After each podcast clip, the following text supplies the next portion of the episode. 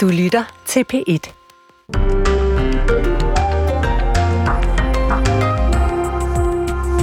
Så kan vi sige godmorgen og velkommen til 3 timers uundværlig morgenradio. Det skal blandt andet handle om øh, nikotin, poser.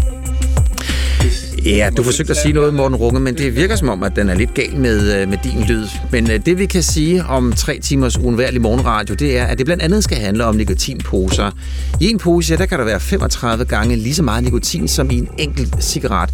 Man skal være over 18 år, og når børn ned til 12 år så kommer ind i kiosken, ja, så er svaret fra kioskejeren, ligesom det skal være, nej, det kan du ikke købe, men så kan man jo gøre det på så mange andre måder.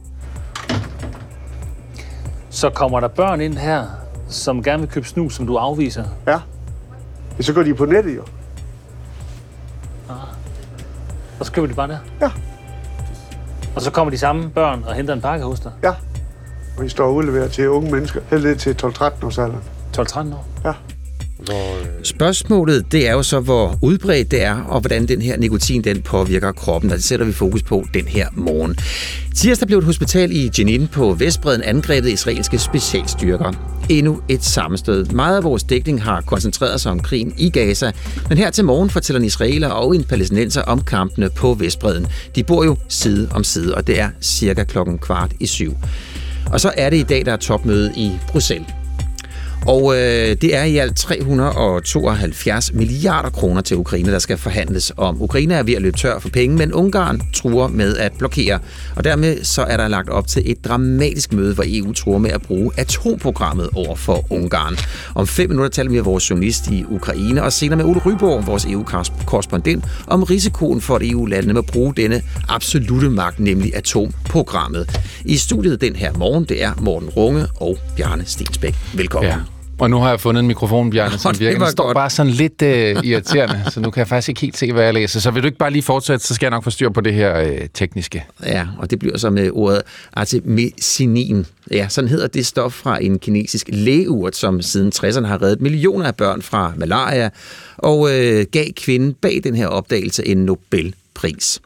Nu viser et dansk studie desværre, at resistens mod lægemidlet er ved at brede sig i flere afrikanske lande. Det gælder lande som Uganda, det gælder Rwanda, det gælder DR Kongo. Det skriver videnskab.dk.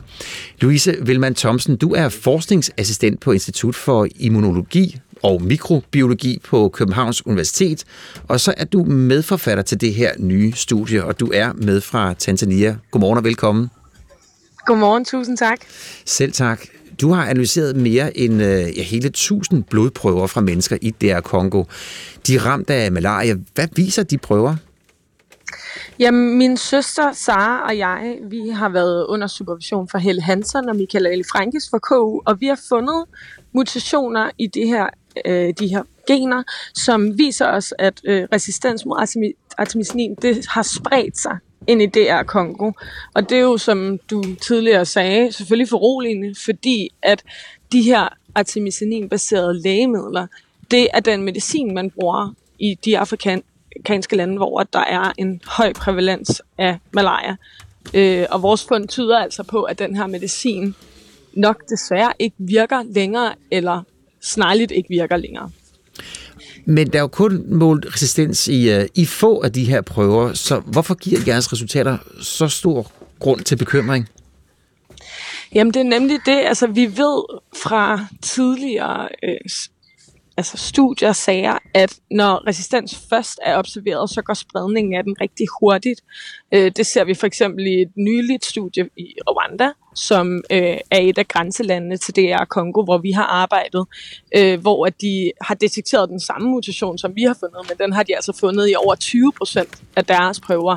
Og det samme ser vi i Uganda, som også ligger i samme område.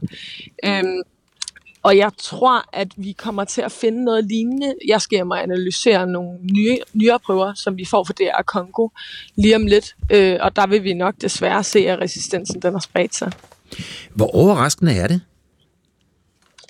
Jamen, det er egentlig ikke så overraskende, da øh, vi tit og ofte historisk set har observeret, at resistens til starter øh, i Sydøstasien, og så spreder det sig ind igennem øh, Afrika, hvor det starter over i Øst- Østafrika, og så ligesom bevæger sig ud igennem kontinentet. Og i Sydøstasien, der observerer vi rigtig meget øh, resistens over for de her artemin, artemisinil-baserede lægemidler. Og Louise, prøv at forklare, hvorfor vi ser den her udvikling. Jamen altså, det er svært at sige. Det er jo selvfølgelig fordi, at de parasitter, der er resistente over for de, resistent over for de lægemidler, vi bruger, de har jo en fordel over de parasitter, som ikke er.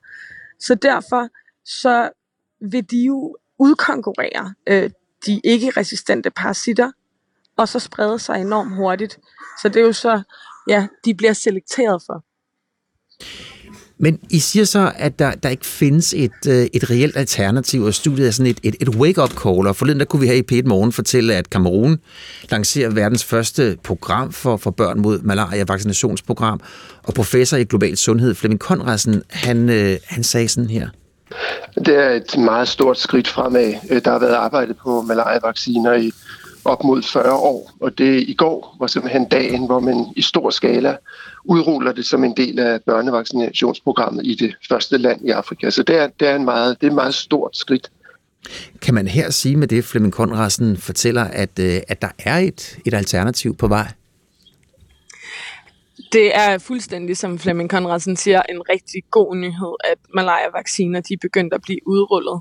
Men jeg vil ikke kalde det et alternativ, da de ikke er lige så effektive som andre vacciner, for eksempel som den øh, vaccine, der førte os igennem covid-19-pandemien.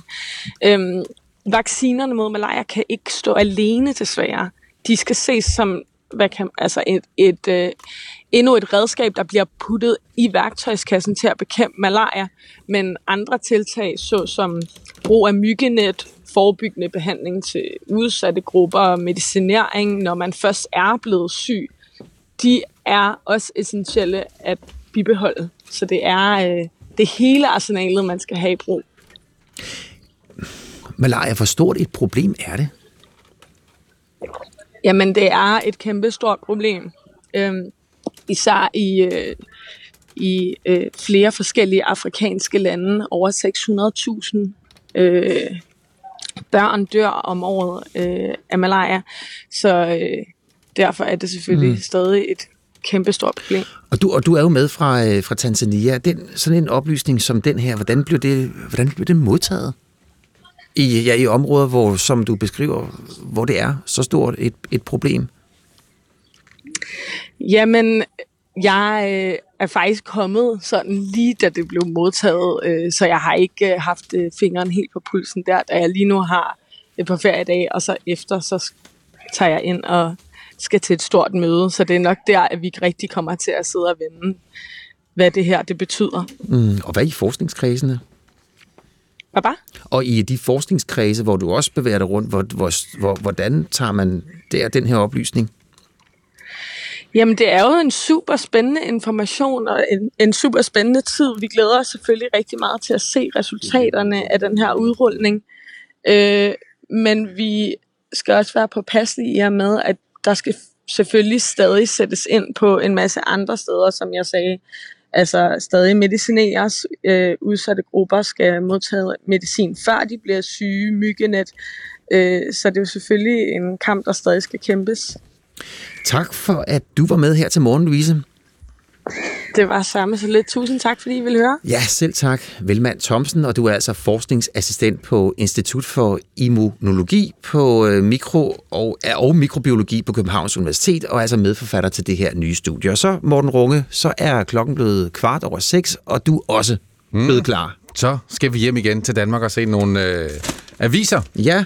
Jeg har fundet øh, politikken, som har en øh, overskrift, der hedder, at fiskeri med trål er fem gange så stor en dræber som det værste ildsvind, som øh, Kattegat oplevede i 2002. Men bare det at fiske med trål er altså fem gange så, øh, så slemt. Det er en rapport fra øh, Aarhus Universitet, som har kigget lidt på bundtrål. Altså, når man sejler op på overfladen og har kæmpe store øh, øh, fiskenet, er det jo ikke engang, men, men trål, øh, som øh, man fisker jomfruhummer med. 300 kilo bunddyr bliver slået ihjel, hver gang man tråler og finder 1 kilo jomfruhummer. Det øh, viser rapporten, som øh, forskere siger er meget opsigtsvækkende, som man bør gøre noget øh, ved. I dansk øh, fiskeri erkender man, at øh, ja, det har et aftryk på miljøet, så noget øh, fiskeri med bundslæbende redskaber. Øh, men hvis man skulle øh, helt gøre det ulovligt og finde den samme mængde fødevare øh, et andet sted, så vil øh, belastningen af miljøet globalt stige.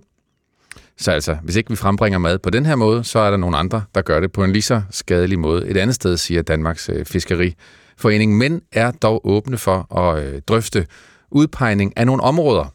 Også yderligere øh, områder end de 10 procent, der er udlagt nu til urørt hav, øh, siger Svend Erik Andersen fra Danmarks Fiskeriforening. Så en lille smule øh, håb måske, men altså en, øh, en dyster nyhed fra øh, politikken i dag. Ja, det har jo været udbredt. Jeg kan for eksempel huske, at øh, Flensborg Fjord, halvdelen er tysk, den anden halvdel er dansk.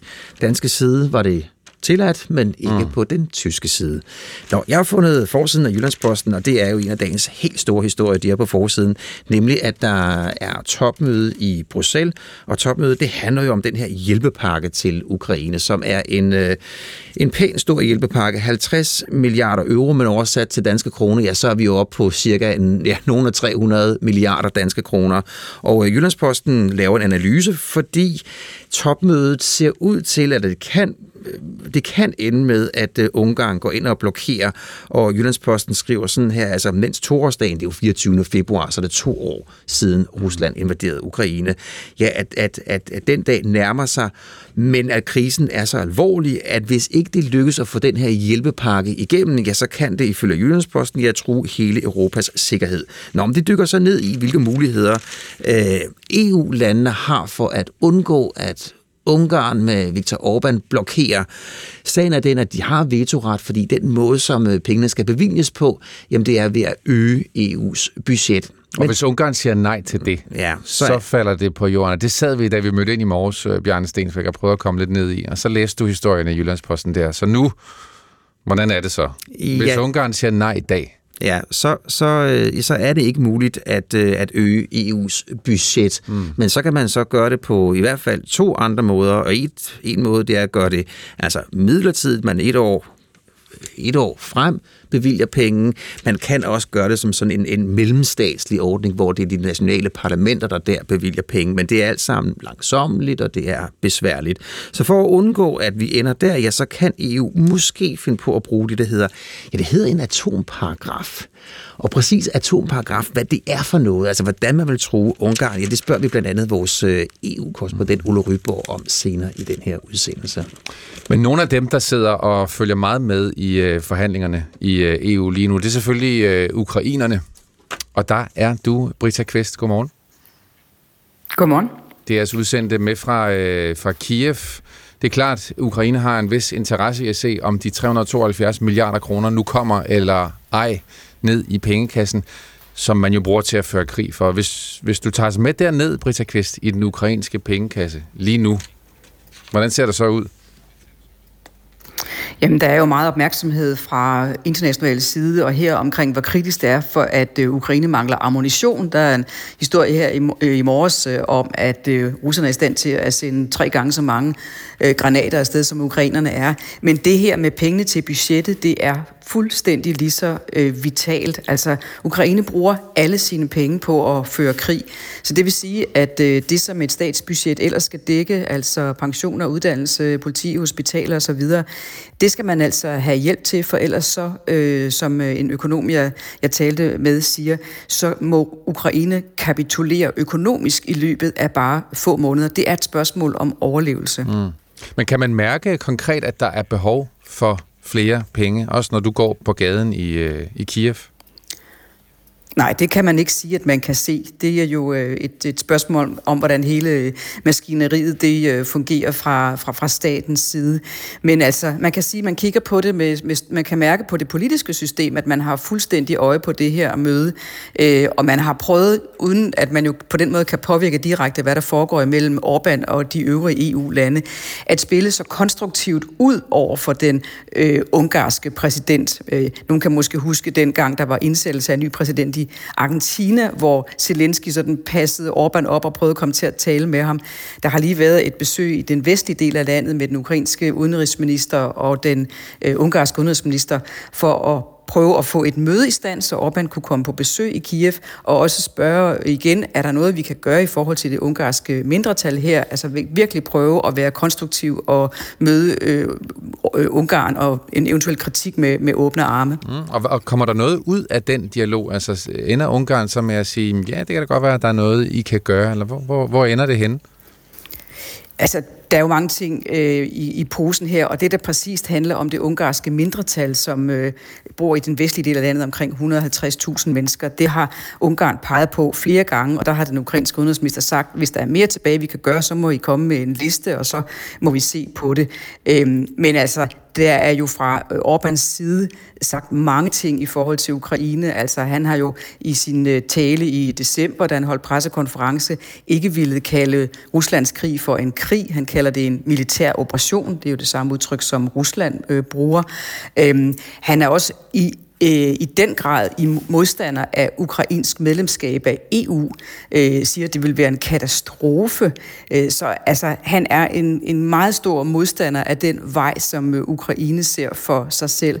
Og fra Ukraines siden har man så prøvet at gå til ham på samme måde, som, hvis jeg må selv lave, drage den sammenligning, Zelensky har sagt til den republikanske øh, præsidentkandidat Donald Trump, jamen altså, lad os tale om det. Du kan bare komme på besøg, men øh, der er altså ikke ligesom noget øh, besøg i kalenderen endnu. Mm. Altså det er klart, der er mange af de krav, som Orbán stiller, som Ukraine aldrig vil kunne indfri. Men er der nogen, nu talte du der om det ungarske mindretal, at man kunne gøre noget for dem. Hvad, hvad er der af muligheder i Ukraine? Hvad ser man, man har af ting at handle med? Jamen, jeg tror i virkeligheden ikke ret meget, fordi det er først og fremmest en, øh, en kamp imellem øh, Orbán og øh, resten af EU-landene, øh, og øh, den har jo også en, sin egen øh, forhistorie. Men man har prøvet fra ukrainsk side at sige, øh, hvis der er noget som helst øh, tilbage med det her mindretal, så vil vi gerne rydde det af vejen. Og øh, det handler også om at leve op netop til, øh, til EU's krav i forhold til, hvad mindretal har, øh, har krav på, hvor man øh, jo, kan man sige, den bestræbelse, man har haft fra ukrainsk side, det var at give det ukrainske sprog en, øh, en stærkere position i uddannelsessystemet, og der er man altså trådt et par skridt, hvad kan man sige, baglæns igen i forhold til, at der ikke skulle være noget at komme efter i forhold til det ungarske mindretal. Og Britta Kvist, det er jo ikke bare i, øh, i EU, der er et slagsmål om, om bevillinger til Ukraine. Det samme er jo tilfældet i USA, hvor der er slagsmål om en støttepakke til ja, 60 milliarder dollars. Er der i Ukraine blandt politikere en, en voksende bekymring, som betyder, at der er flere, der sådan langsomt og, og måske ikke med så høj stemmeføring, men dog begynder at tale om, måske vi skulle overveje fredsforhandlinger med Rusland? Det må jeg sige øh, klart nej til. Øh, hvis de siger det nogle steder, så er det i hvert fald ikke i øh, offentligheden. Øh, men det er da klart, at der er en, øh, en, en stor bekymring, fordi øh, nu som sagt her, bare fra, fra starten af i morges kunne man se, det var Bloomberg-mediet, som havde øh, refereret, øh, hvor, hvor desperat en, en mangel øh, Ukraine har på ammunition, at langs hele den her kæmpe lange frontlinje, der er øh, russerne altså dagligt i stand til at affyre tre gange så mange granater, som øh, ukrainerne er. Og øh, altså, det, er jo, det er jo klart ikke noget, der fører imod den øh, sejr, som Ukraine bliver ved med at sige officielt, er det det eneste mål, man kan se. Mm. Så ved man, øh, har Ukraine selv opgjort, altså hvor lang tid kan de klare sig uden flere Ved du hvad, penge? det er meget muligt, de gør, men den slags offentliggør man jo ikke. Øh, så hvad de egentlig har på øh, hylderne, det, det er jo ikke noget, man lader offentligheden få, mm. få indsigt i. Det er jo også muligt, at der er mere, end man umiddelbart har kunne vide og tælle. Måske er der mindre, men at de er presset, det, det er jo indlysende. Mm. De går i hvert fald ikke ud og i rette sætter Bloomberg News og siger, at vi har masser af ammunition. Det, det er ikke rigtigt, at russerne mm. har tre gange så meget. Brita Kvist, tak fordi du var med. Ja, godmorgen. Det er altså udsendt altså med fra øh, Kiev. Og det er rigtig senere på morgenen, øh, Bjarne, som du øh, teasede lidt for, for vi besøg af vores EU-korrespondent Ole Ryborg til øh, en snak om, hvorfor Ungarn egentlig stadig blokerer øh, for de her penge, og om der er en måde at få ham til at makke ret. Ja, og vi kan jo lige tilføje, at øh, Ukraine skulle have med udgangen af marts have haft leveret 1 million granater. De har kun fået 600.000.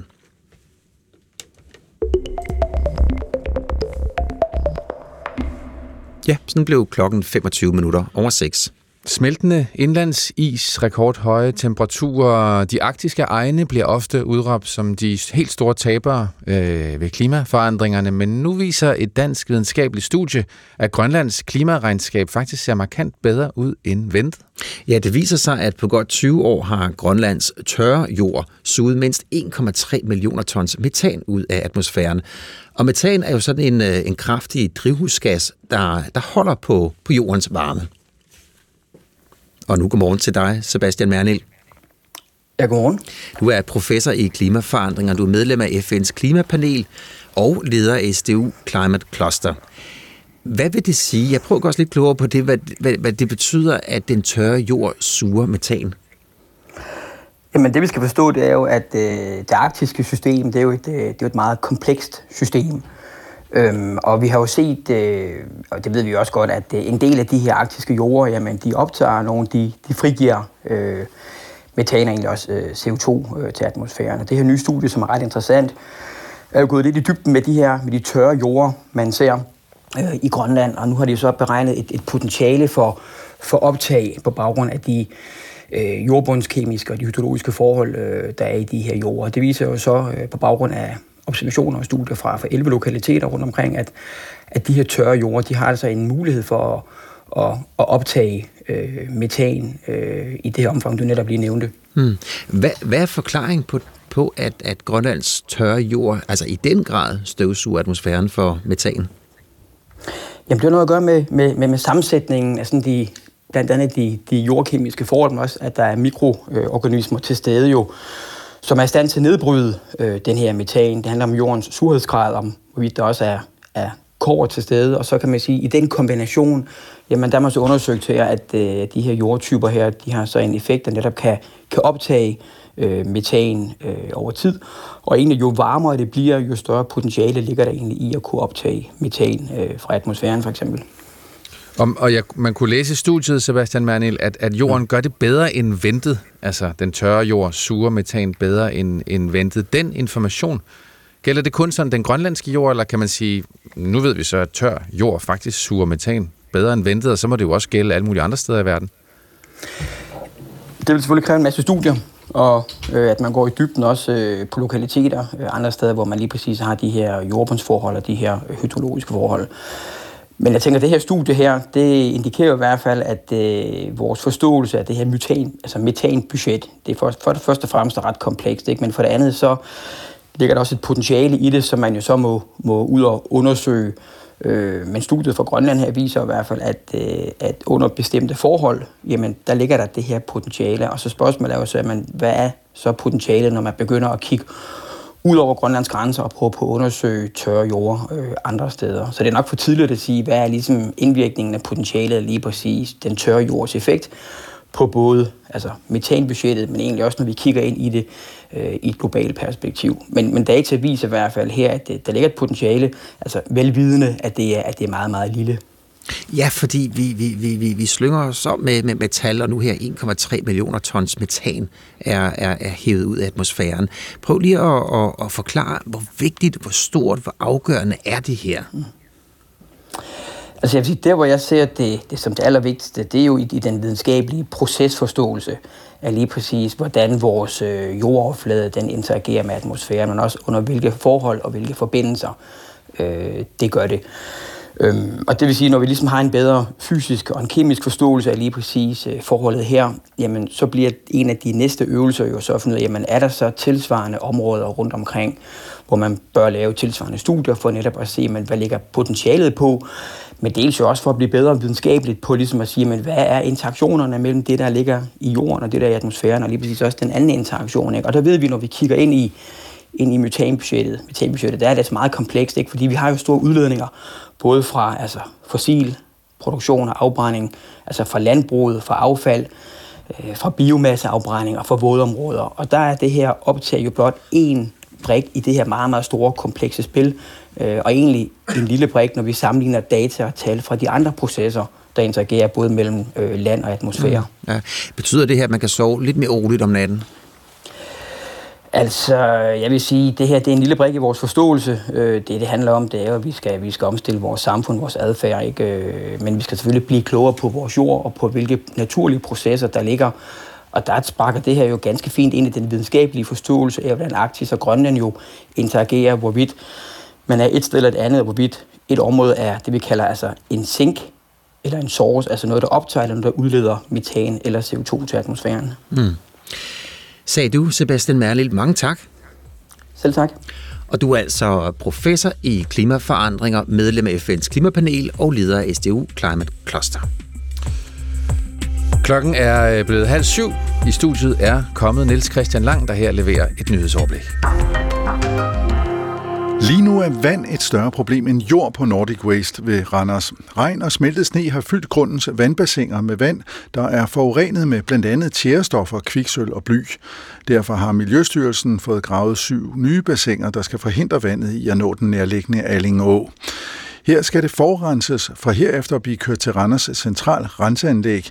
Men det bekymrer Renseanlæggets direktør Peter Christensen. Vi vil rigtig gerne hjælpe med at rense vand derudfra, men, men udfordringen er, at vi skal jo ikke sætte øh, renseanlægget over styr. Så vi kører små mængder ind og måler på vores slam og på vores udløb for at se, hvordan renseanlægget fungerer. Flere af partierne bag forsvarsforliget er klar til at sætte mere tempo på de investeringer, de har lovet det danske forsvar. I sommer blev et bredt flertal enige om at give 155 milliarder ekstra til forsvaret over de næste 10 år. Men i går sagde forsvarsminister Truslund Poulsen så, at han på grund af truslen fra Rusland overvejer at genåbne den milliardstore forsvarsaftale. Og den er de konservatives formand Søren Pape Poulsen med på. Jeg er ikke sådan, jeg er bekymret for, at der er et angreb på Danmark i morgen. Der har vi jo heldigvis øh, NATO men NATO er jo ikke stærkere end de investeringer, vi ligger i det. Så hvis der skal mere tempo på, så er det meget velkommen fra konservativ side. Trods politiske løfter om at gøre noget ved det, så kan unge under 18 stadig købe snus på nettet. Og det er ekstremt skadeligt for de unge at bruge snus, der kan frigive op til 35 gange så meget nikotin som en cigaret, forklarer Jesper Andreasen, der er professor i neurobiologi. Man strander lidt i en teenagehjerne, hvor man så har svært ved at regulere sine følelser. Man bliver mere impulsiv og og mere sådan sensationssøgende og i større risiko for at søge rusmidler resten af livet. Men også større risiko for at udvikle depression og angstlidelser, formodentlig også skizofreni. Og lidt senere kan du her i P1 Morgen høre, hvordan en kioskejer, der nægter at sælge snus til mindreårige, alligevel er tvunget til at udlevere det. Det bliver blæsende i dag med frisk vind til cooling fra vest, lidt byer og lidt sol, og så 3-6 graders varme.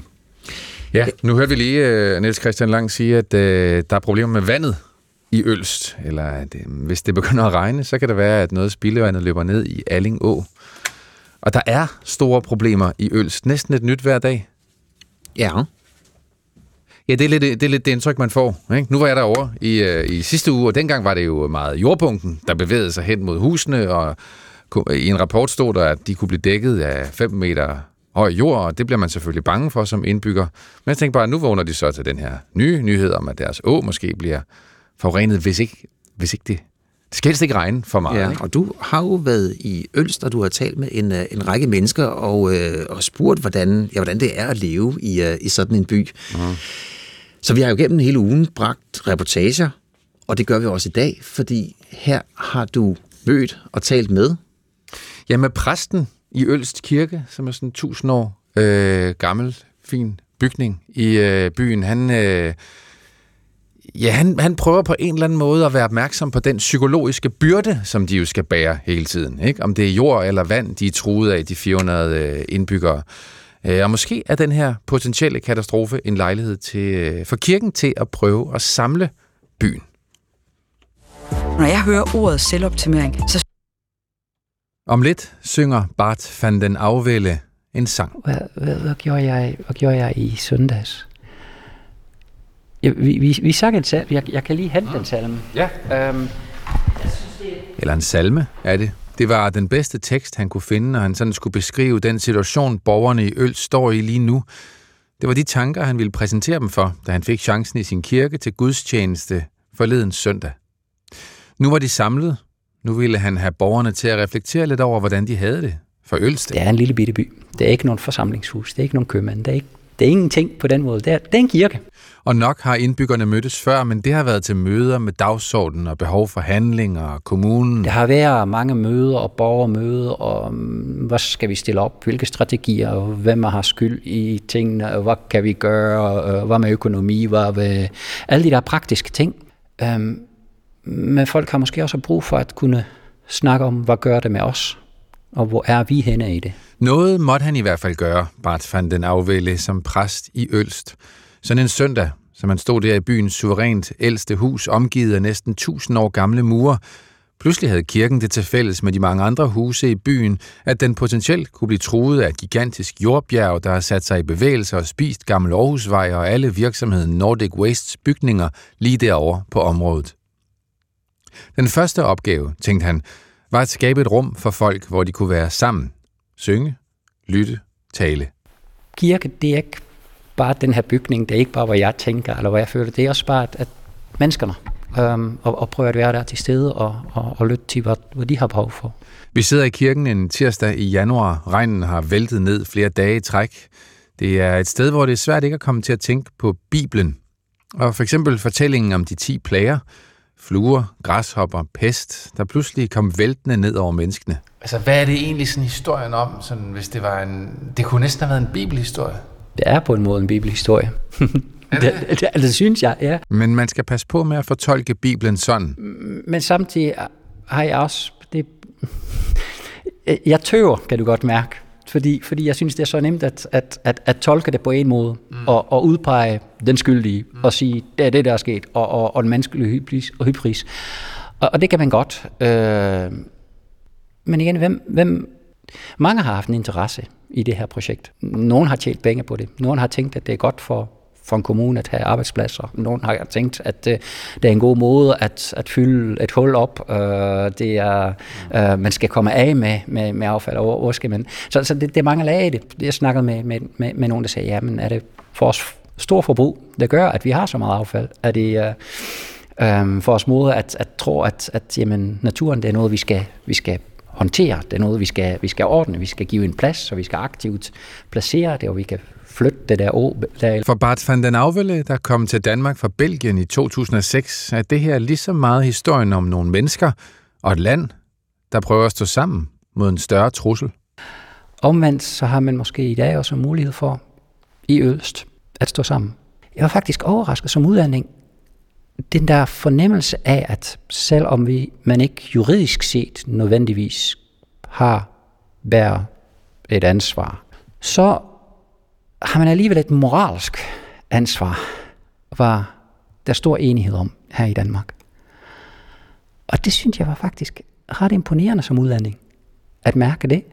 Fordi det land, jeg kommer fra, og det land, øh, eller mange andre lande, så vil man ikke tænke med det samme, den tanke. Ellers går Bart van den Afvælde meget op i, at han ikke har løsningen på det her.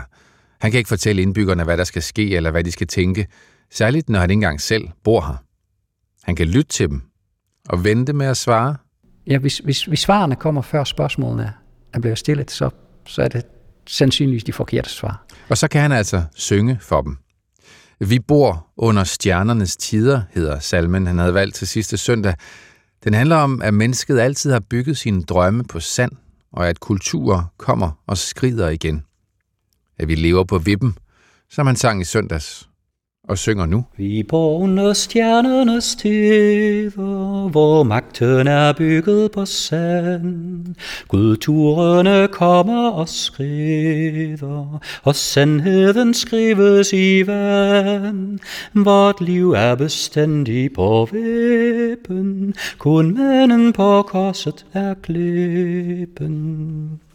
Ja, fortalte altså præsten som du havde ja. som, som du havde besøgt Morten Runge. Men det var jo... Øh, Sandheden skrives i vand. Ikke? Det er da meget rammende. Ja. Med morgens nyhedsbillede en mente, at spildevand nu tror Alling. Oh. Mm. Men det var jo også, Morten Runge, det sidste af dine, dine indslag fra, øh, fra Ølst. Det var det. Ja. Sådan blev klokken 6.39.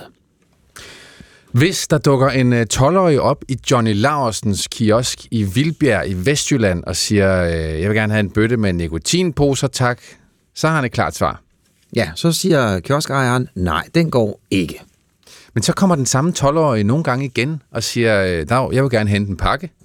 Og inde i den pakke, der er der så nogle øh, nikotinposer, for det må øh, Johnny Larsen jo ikke sige nej til at udlevere en pakke fra GLS.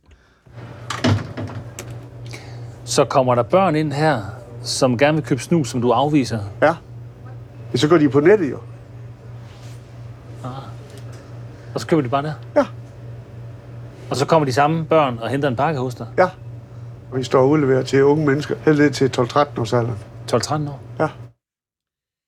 Ja, og stemmen vi kan høre her, det er Jakob Kravlund, og du er med her til morgen. Godmorgen. Godmorgen. Du er vært på øh, DR Kontant, og det er jer, som kan afsløre, at hjemmesider på dansk, men med adresse i Polen, let og elegant, omgår både øh, ja, banderoler og alderskrav ved at sælge de her nikotinposer til, til unge i Danmark. Og det er jo et, øh, et, et meget, meget, meget bemærkelsesværdigt klip, vi, vi, vi spiller her. Hvordan er det, Jakob, at det her det foregår? Jamen, det er utrolig nemt. Altså, der findes øh, flere webshops. Øh, blandt andet øh, kigger vi på en, der hedder snusgiganten.dk, en dansksproget webshop, hvor man kan gå ind øh, uden problemer, også selvom man er mindreårig, og så kan man købe øh, de her nikotinposer, som øh, de unge kalder snus i virkeligheden. Og øh, prisen er meget lav. Det er cirka halv pris af, hvad det koster, hvis de skulle købe det på en tankstation eller i et supermarked, fordi der er ikke afgifter på. Så øh, det finder børn og unge jo hurtigt ud af, at her der kan de altså spare en masse penge, og så kan de øh, omgå lovgivningen på den måde, fordi manden øh, Johnny her, der står på tankstationen, han får jo en bøde i størrelsesorden 10.000 kroner, hvis han øh, udleverer, øh, hvis han sælger snus øh, på almindelig vis øh, over disken. Men han har jo ikke øh, en chance, når de bare kommer for at hente en pakke dagen efter, de er blevet afvist på tankstationen. Så der kan altså stå en, en på øh, 16, 15, måske 14 år, der modtage en, øh, en pakke fra snusgiganten, og så kan kioskejerne stå der og tænke, når jeg er okay. Sådan er det. Ja.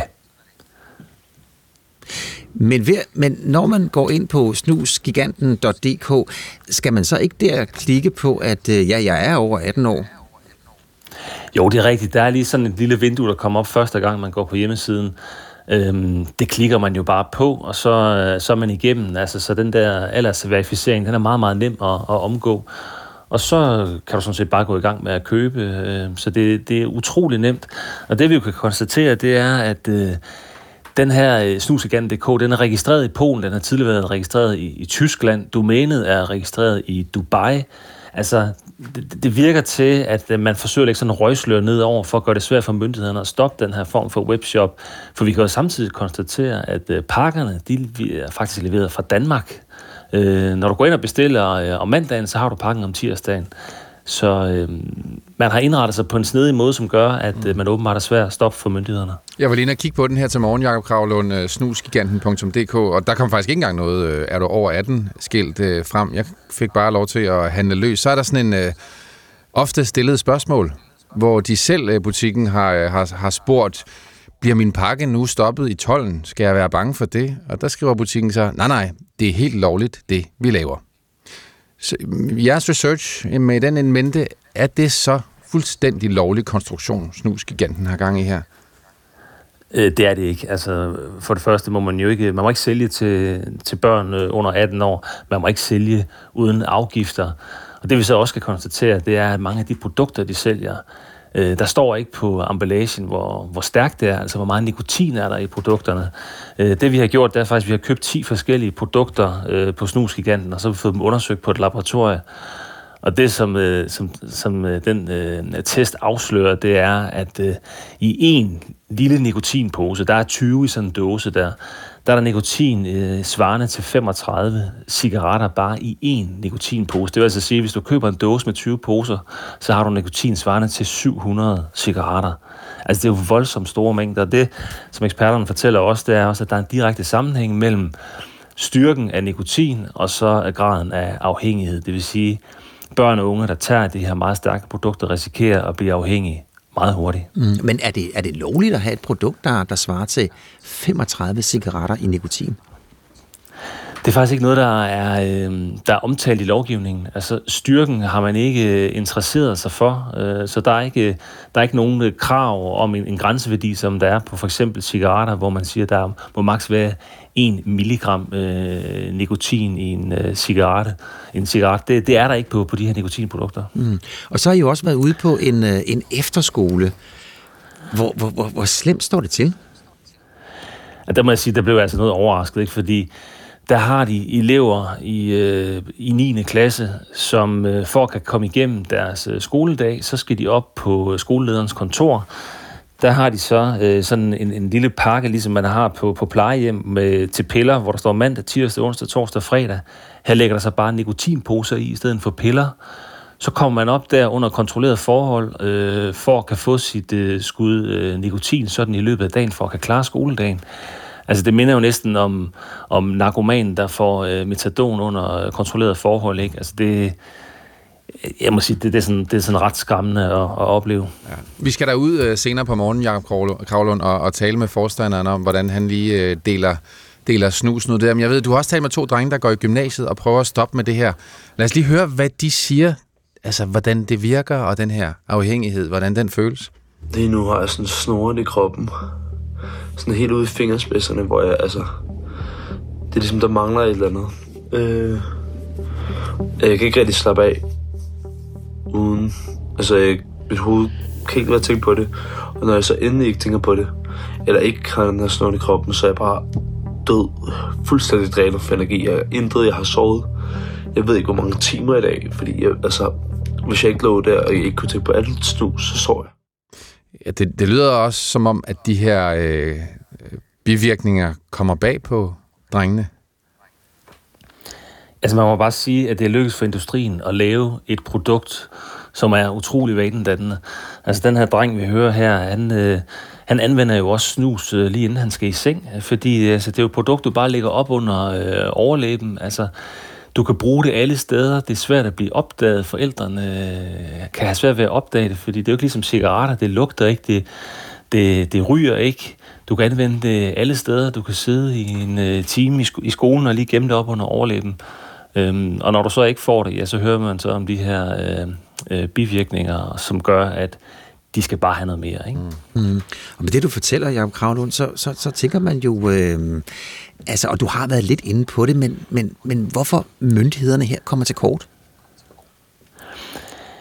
Altså, jeg forestiller mig det, fordi at, øh, at man har indrettet sig på den her måde. Ikke? De to, det er to meget unge øh, direktører, som øh, står bag snuseganten.dk. De lever begge to i Dubai. I øvrigt et, et luksusliv, kan vi se på de sociale medier. Så det er også en vældig god forretning at, at sælge det her snus her. Og så registrerer man sig ligesom, først var man i Tyskland, så hopper man til Polen. Øh, men varerne bliver altså sendt tyder alt på øh, fra Danmark. Det kan vi jo konstatere, når vi køber produkterne. Så står der, at de er sendt fra Vandensbæk ved København. Øhm, og vi forsøger selvfølgelig at, at jagte det spor, det kan man jo se øh, i aften øh, i kontant. Men måske skal vi alligevel bare lige have en replik med fra snusgiganten Jakob Kravlund. Hvad siger de til deres forsvar? De siger ikke rigtig noget. Altså, vi har igennem længere tid forsøgt at få fat i de her to unge direktører i Dubai, og vi får ikke rigtig, øh, vi får ikke noget svar fra dem. Hmm. Og det er nemlig rigtigt, det er i aften, at øh, vi kan se programmet Kontant, afhængig af snus hedder det. Man kan se det på øh, DRTV allerede nu, men øh, ellers så ja, kan man se det i aften på DR1, og det er kl. 21.25. Tak for, at du var med her til morgen, Jacob Kravlund. Velkommen. Vært på øh, DR Kontant, og sådan blev klokken 6.48. Tirsdag blev et hospital i Jenin i det palæstinensiske selvstyreområde på Vestbreden angrebet af israelske specialstyrker. Øh, de dræbte tre mænd på hospitalet. I hvert fald en af dem var en del af terrorbevægelsen Hamas. Og med det så kan man jo sige, eller med det her angreb, ja, så blev Vestbreden igen inddraget i krigen mellem Hamas og Israel. Og Vestbreden, det er jo et stykke land. Ja, det er et stykke land, der ligger mellem Israel og Jordan, som vi har særlig fokus på her til morgen. Øh, det blev besat af Israel under seksdageskrigen i 67. Hvis man spørger FN, så har Israel oprettet, øh, siden oprettet ulovlige bosættelser i, i området. Og det er jo et land som Israel, et stykke land, som Israel har fuld militær kontrol med, men palæstinenserne har selv ansvaret for øh, sundhedssystem og skoler osv. Der bor omkring 3 millioner palæstinenser på Vestbreden og 700.000 israelske bosættere på Vestbreden og i Øst-Jerusalem. Og en af de bosættere, det er Sondra Oster Barras. Ja, hun er bosætter i øh, Kanai Shomron og stifter øh, og præsident for Christian Friends of Israeli Communities. Vores reporter øh, Jonathan Robert Larsen talte med hende i går, og hun fortalte, at livet har ændret sig drastisk siden den 7. oktober, hvor øh, Hamas angreb ind i Israel.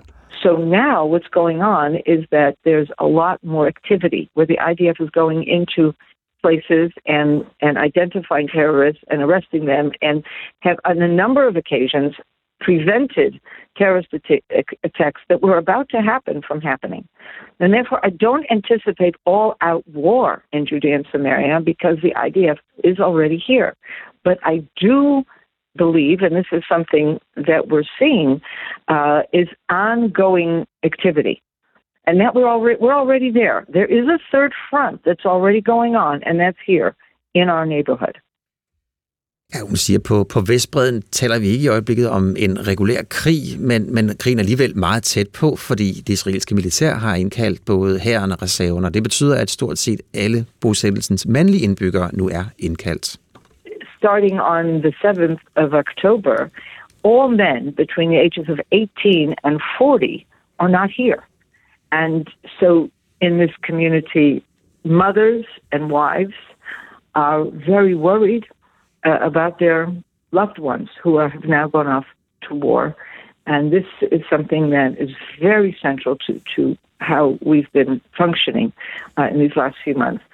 Ja, hun siger, at alle mænd i alderen øh, mellem 18 og 40 forsvandt stort set den 7. oktober, fordi de blev indkaldt til herren, øh, så mødre og koner måtte sidde tilbage og bekymre sig, siger altså Sondra Oster Baras. Til gengæld er der nogle andre, der er øh, tilbage. Ja, nemlig de mellem 8 og 10.000 palæstinensere, som arbejder i bosættelserne. Og lige efter angrebet den 7. oktober, ja, så blev det forbudt for palæstinenser at gå på arbejde i bosættelserne. Men det forbud er nu ophævet. Men hvor der før angrebet var en god stemning mellem øh, palæstinenserne og, og de jødiske bosættere, ja, god og god, så er der nu mistro, fortæller Sondra.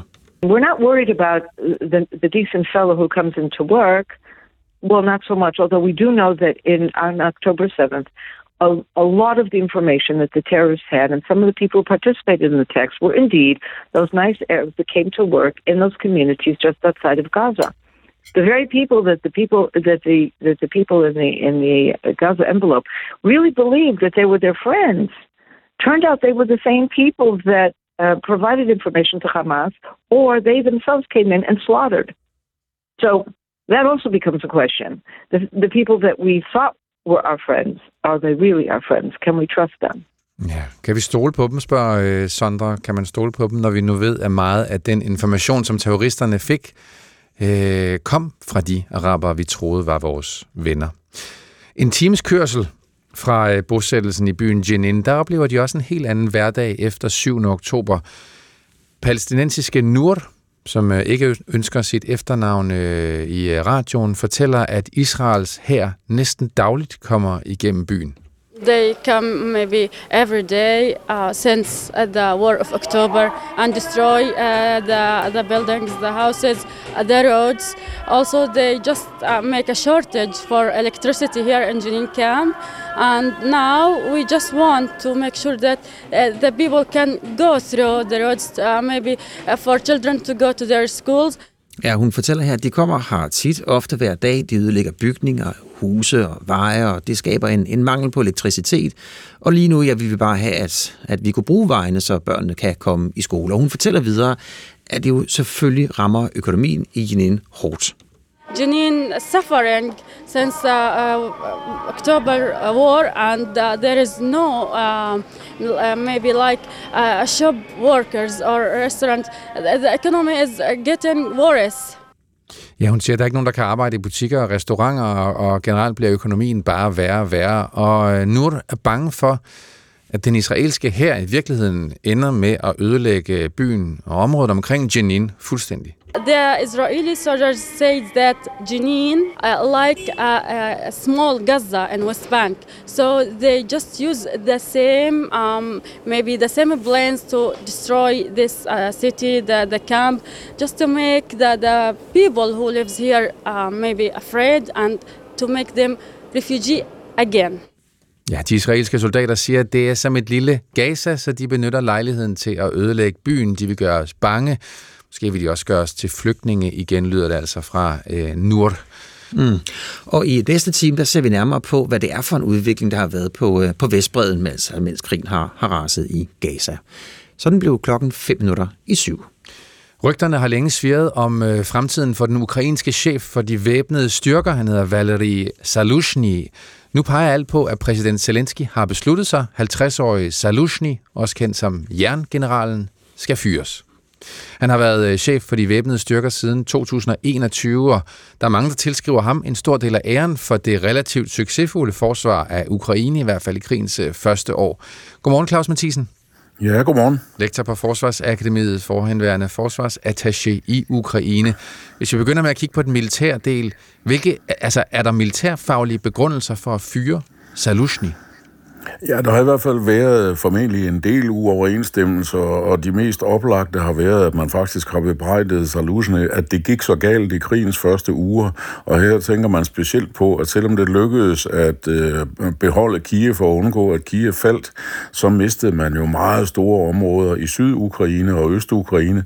De områder, som man i dag med stor, stor smerte og stor, stor indsats skal kæmpe for, måske at vinde tilbage. Mm. Øh, det andet udstående, det handler handler om øh, i måske mere strategisk kommunikation omkring modoffensiven i 2023, som jo endte med ikke rigtigt at føre til noget. Jeg tror, at Zelensky var utilfreds med den udmelding om, at man var kørt ind i en blindgyde, og man kunne nærmest ikke komme videre, for det var jo ikke det bedste signal at sende til de vestlige partnere, som øh, man havde behov for ville oprette, opretholde deres støtte.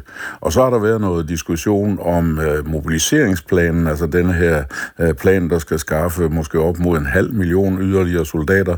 Hvordan den præcis skal foregå, nogen skal måske afløse. Så der har været en række issues. Nu har jeg nævnt tre, som i hvert fald har været oplagte emner. Mm.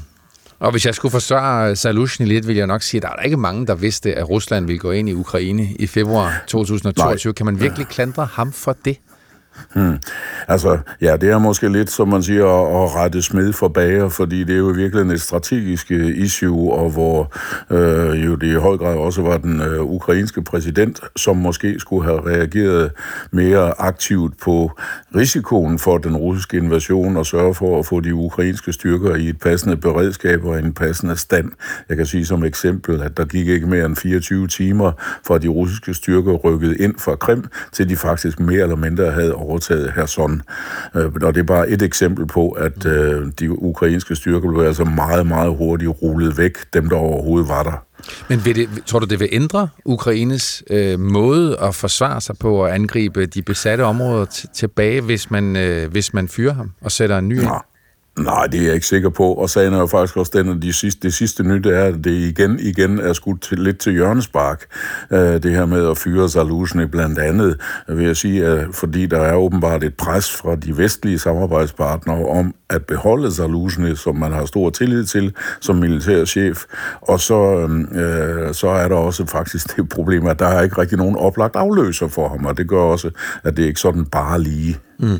Kan der, Claus Mathisen, også være lidt, øh, lidt, lidt, lidt politik i det her, indrigspolitik? Fordi jeg kan se, at, øh, at, at han er blevet kaldt for den eneste mand, som ville kunne slå Zelensky i et præsidentvalg.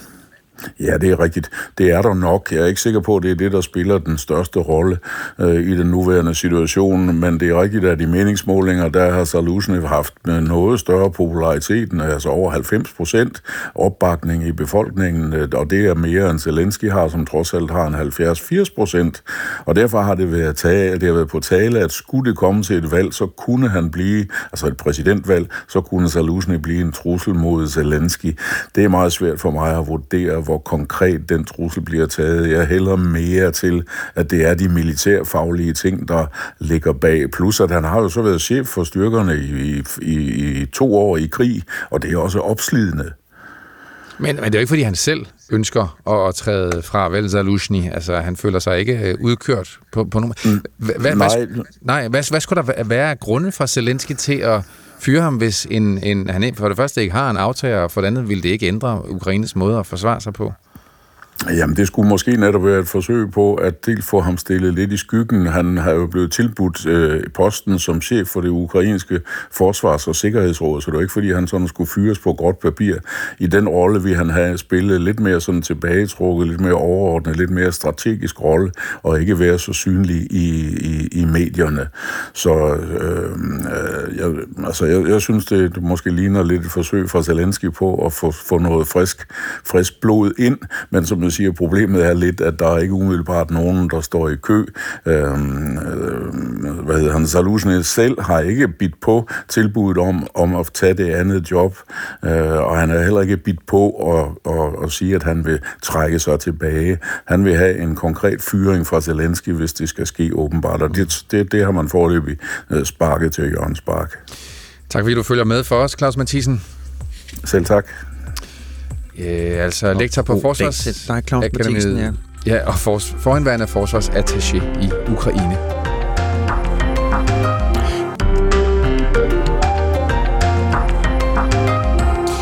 Ja, godmorgen og velkommen tilbage til øh, P1 Morgen. Vi sender endnu to timer frem til klokken 9, blandt andet med historien, vi lige hørte i radiovisen her, om at en enkelt nikotinpose kan indeholde op til 35 gram gange mere nikotin, end en cigaret må frigive.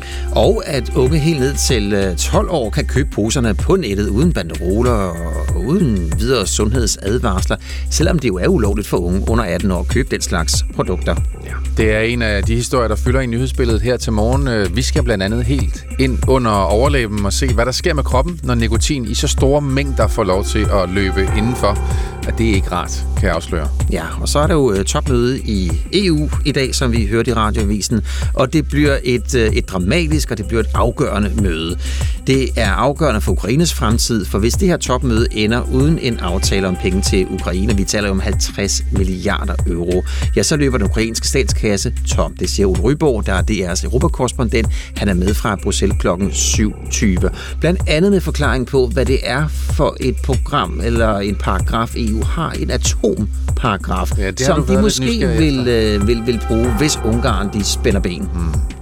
Natten til tirsdag stormede israelske soldater klædt i civil og hospitalsuniformer et hospital i Jenin på Vestbreden. De dræbte tre palæstinensere, der lå i hospitalsenge, og det angreb kommer i kølvandet på en lang række andre angreb de seneste dage, der på den ene eller anden måde har forbindelse til krigen i Gaza, men jo er, så, så ikke foregår i Gaza.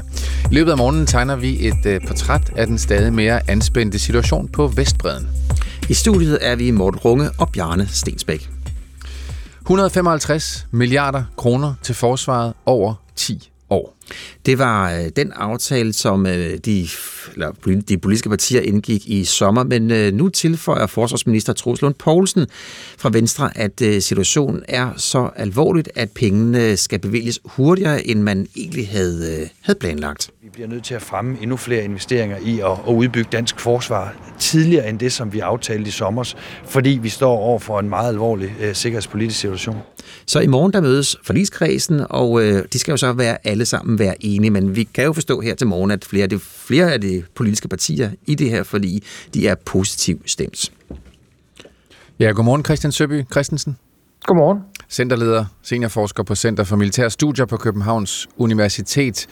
Vi hørte lige Troels Lund Poulsen sige, at vi bliver nødt til at fremme endnu flere investeringer i at udbygge dansk forsvar tidligere end det, vi aftalte i sommer. Hvad, hvad, hvad betyder det her?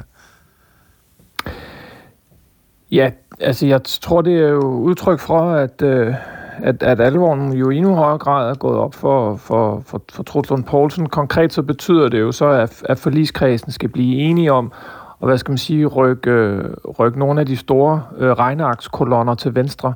Øh, logikken i det her forsvarsforlig er, at der er en, en, en stigningstakt i, hvordan øh, midlerne tilfører forsvaret med, med, med relativt lidt i begyndelsen af forliget, som så stiger hen imod øh, slutningen af perioden, altså hen mod øh, 27, 28, 29, 30, øh, og så holder hvad skal man sige, forsvarsforlidet så en, øh, en, et budget på, på 2% derefter.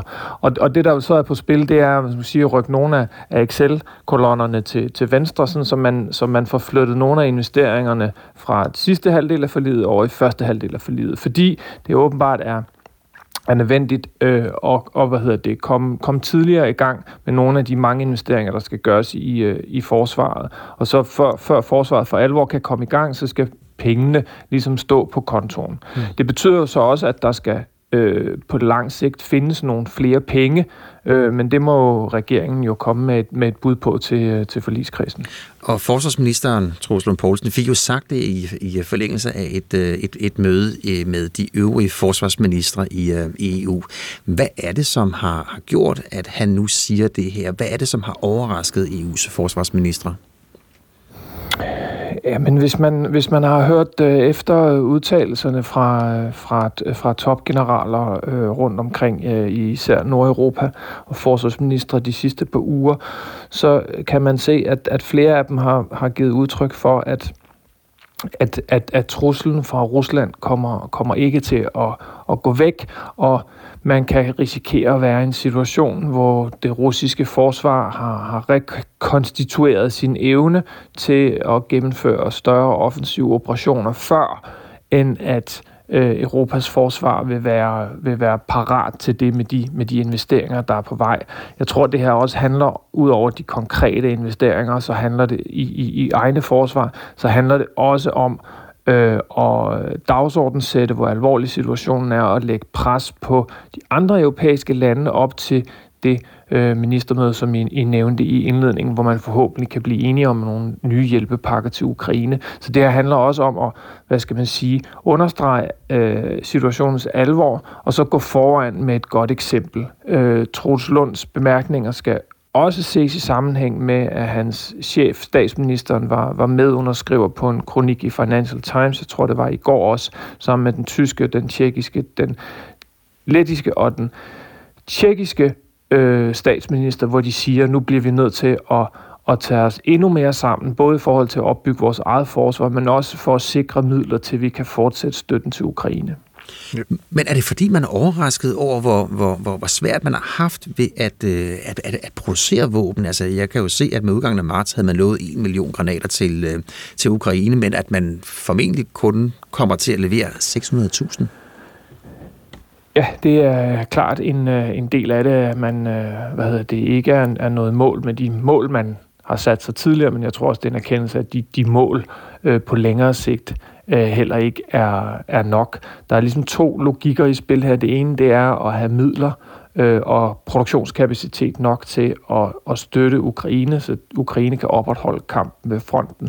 Men det handler også om at have produktionskapacitet nok til, at man kan øh, Øh, udstyre sine øh, egne hære og have egne øh, lagerbeholdninger, der er øh, store nok til, at de i hvert fald giver det indtryk til Rusland om, at man er i stand til at kunne kæmpe en krig for Europa. Den tyske forsvarsminister var ude og, og, og understrege, at situationen i de tyske væbnede styrker øh, er, er, er meget græld og meget alvorlig. Øh, Øh, så ligesom Danmark, så er der en række andre lande, der kommer fra et, fra et meget lavt niveau og skal have omstillet øh, og forøget de væbnede styrker i, i ganske alvorlig grad, øh, ud fra de øh, logikker, der i hvert fald ligger i forhold til, hvordan man skal afskrække Rusland. Mm. Er det mest øh, øget våbenproduktion, vi vil se så, Christian Søby, eller vil de her fremrykkede konkrete investeringer også komme til udtryk på en anden måde? Og jeg, jeg er sikker på, at, at, at det kommer til at være, være flere ting. Dels investeringer i, produktionskapacitet af, af ammunition, øh, øget støtte til Ukraine, men også hvad hedder det, fremrykninger af, af forskellige former for, for materielle investeringer til det danske forsvar. Det tager ret lang tid at beslutte, øh, hvad for et våbensystem man skal købe, få det købt, få det implementeret i forsvarets organisation. Så jo hurtigere man fra politisk hold kan komme i gang med at tage de beslutninger, jo bedre vilkår skaber man så også for, at forsvaret faktisk kan komme i gang med, med opbygningen. Og, og hvad hedder det, det er jo ikke alle, der indtil videre har været tilfredse med det tempo, som der har været i, øh, i, i forliskredsen i forhold til at få, få lavet de her delaftaler, som jo er forudsætning for, at, at forsvaret kan komme i gang. Og man kan sige, det som forsvarsministeren han jo så lægger op til nu, det er, at, at der skal, hvad skal man sige, øh, mere indhold øh, flere penge i de, i de aftaler, man skal lave øh, nu i forhold til at få lagt linjerne for forsvaret. Mm. Så spørgsmålet er jo så også, om man kan få, få implementeret og få gennemført de beslutninger, der så bliver taget. Og Christian Søby Christensen, kan man sige, at det russiske produktionsapparat simpelthen har givet, givet, givet de vestlige lande baghjulen?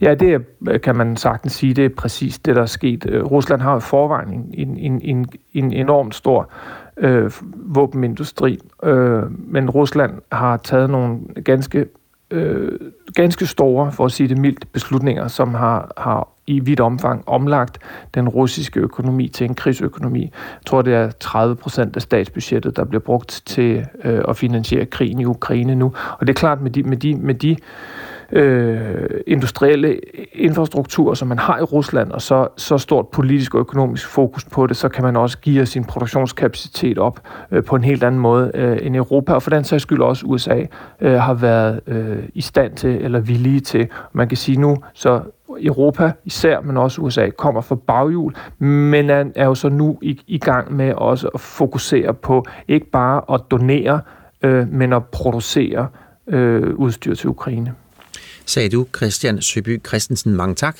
Velkommen. Centerleder og seniorforsker på Center for Militærstudier ved Københavns Universitet. Og sådan blev klokken kvart over syv. Israelske specialstyrker forklædt som læger dræbte tirsdag tre personer på hospitalet Ibn Sina i byen Jenin på den palæstinensiske vestbred.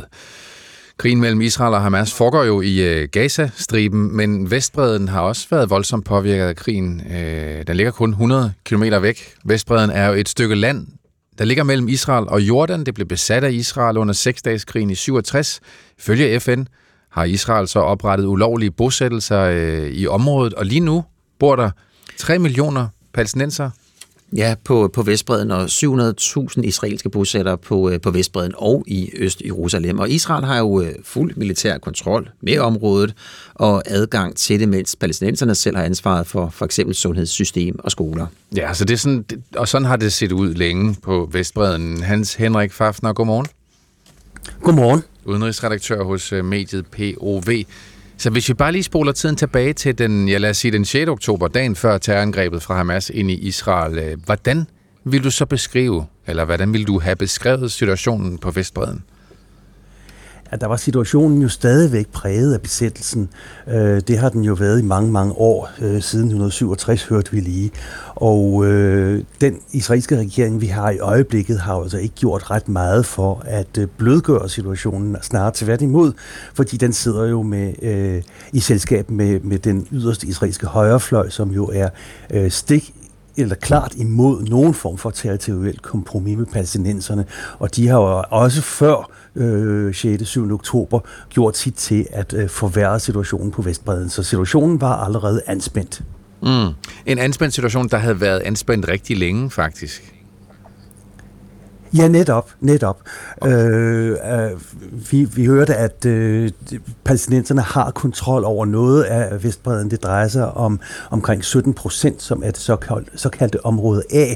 Øh, det er det, vi kender som det palæstinensiske selvstyre. Det er jo altså et produkt af Oslo-aftalerne fra 93. Men det har aldrig rigtig fungeret, fordi israelerne jo hele tiden har haft øh, øh, en finger med i spillet og vidst præcis, hvad der foregår øh, inde i mm. øh, de her områder. Og det er jo blandt andet det, vi så, da israelerne gik ind i Jenin her øh, forleden dag øh, med en militær operation, fordi de øh, mente, at de tre personer var øh, terrorister og, for, øh, og, og, og, og forberedte et, øh, et øh, angreb på Israel. Mm. Øh, så øh, det palæstinensiske selvstyre har aldrig foregå, forekommet som, eller fungeret som nogen egentlig selvstændig øh, statsenhed eller noget som helst, men, øh, og, og det er den situation, vi har haft i, i, i mange, mange år. Mm. Men den anspændte situation, som du beskriver, som der har været i lang tid på Vestbreden, hvordan, altså inden det gik så galt, som, som det gjorde 7. oktober, hvordan kom den så til udtryk, den anspændthed? Jamen, den kom til udtryk ved, at der jo er kontrol med meget, med, med, med vejspæringer og med øh, komplikationer på alle lederkanter. Øh, den palæstinensiske økonomi på Vestbreden er jo dybt afhængig af den israelske. Øh, omkring 25-30.000 palæstinensere har tilladelse til at tage på arbejde i Israel øh, hver dag, det vil sige, de tager ind om morgenen og skal ud igen om aftenen, øh, og, og, og det har altså bidraget ganske gevaldigt til den, øh, den øh, palæstinensiske økonomi, men det har jo været sådan en afhængighedsøkonomi, kan man sige, en økonomi, der hele tiden har, har, har, har øh, fungeret på de vilkår, som Israel på, på, på, på et tidspunkt kunne sætte op. Øh, så øh, nogen frihed har palæstinenserne sådan set ikke haft i den forstand. Mm. Og grunden til, at vi sætter fokus på det her til morgen, det er jo, fordi israelske specialstyrker rykkede ind i, uh, i byen Jenin på hospitalet.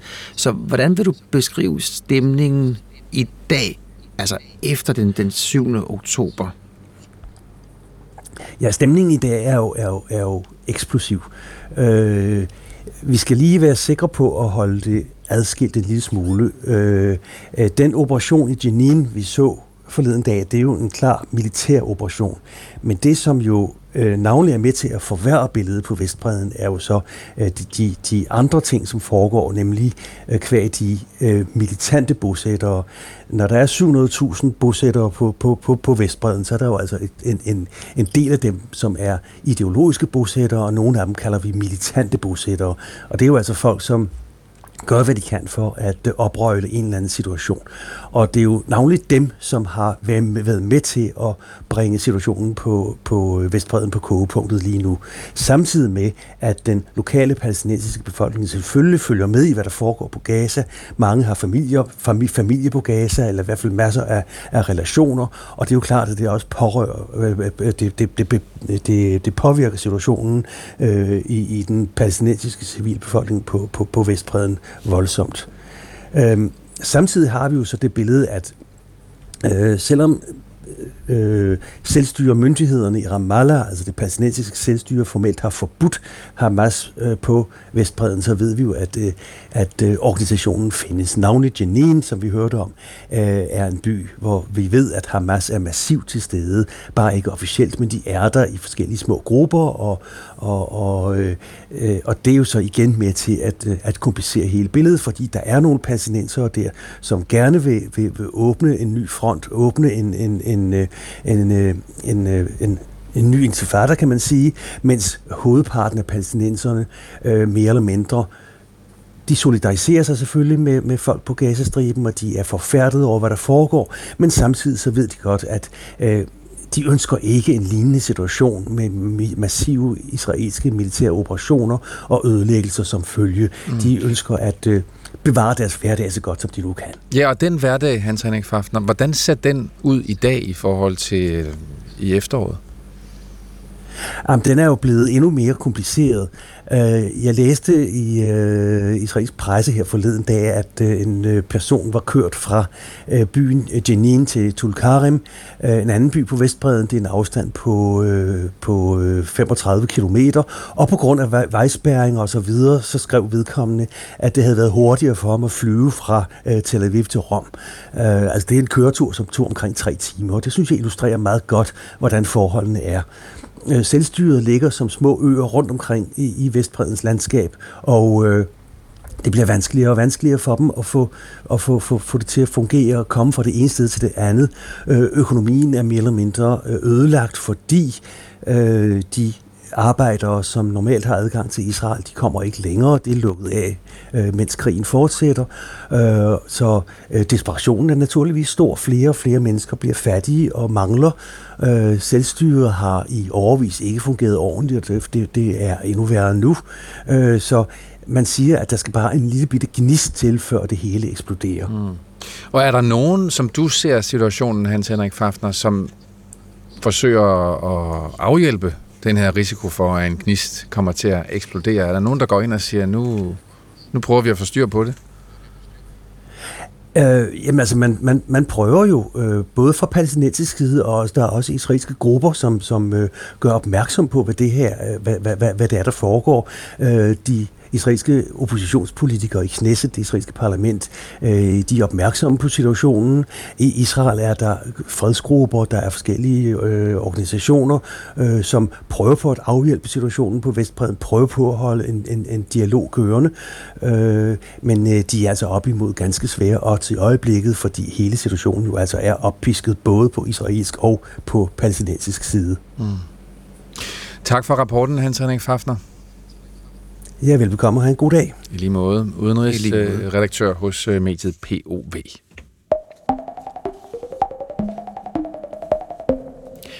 I Ukraine er man tæt på at løbe tør for penge til at føre krig mod russerne og til ja, overhovedet at holde samfundet kørende. Ukraine bruger alle sine penge på at føre krig. Så det vil sige, at øh, det som et statsbudget ellers skal dække, altså pensioner, uddannelse, politi, hospitaler osv., det skal man altså have hjælp til, for ellers så, øh, som øh, en økonom, jeg, jeg talte med, siger, så må Ukraine kapitulere økonomisk i løbet af bare få måneder. Det er et spørgsmål om overlevelse. Ja, det fortalte vores journalist i Kiev, Britta Kvist. Og på dagens øh, EU-topmøde i Bruxelles skal det så afgøres, om man kan få godkendt den hjælpepakke, som kan holde ukrainerne lidt mere oven vande.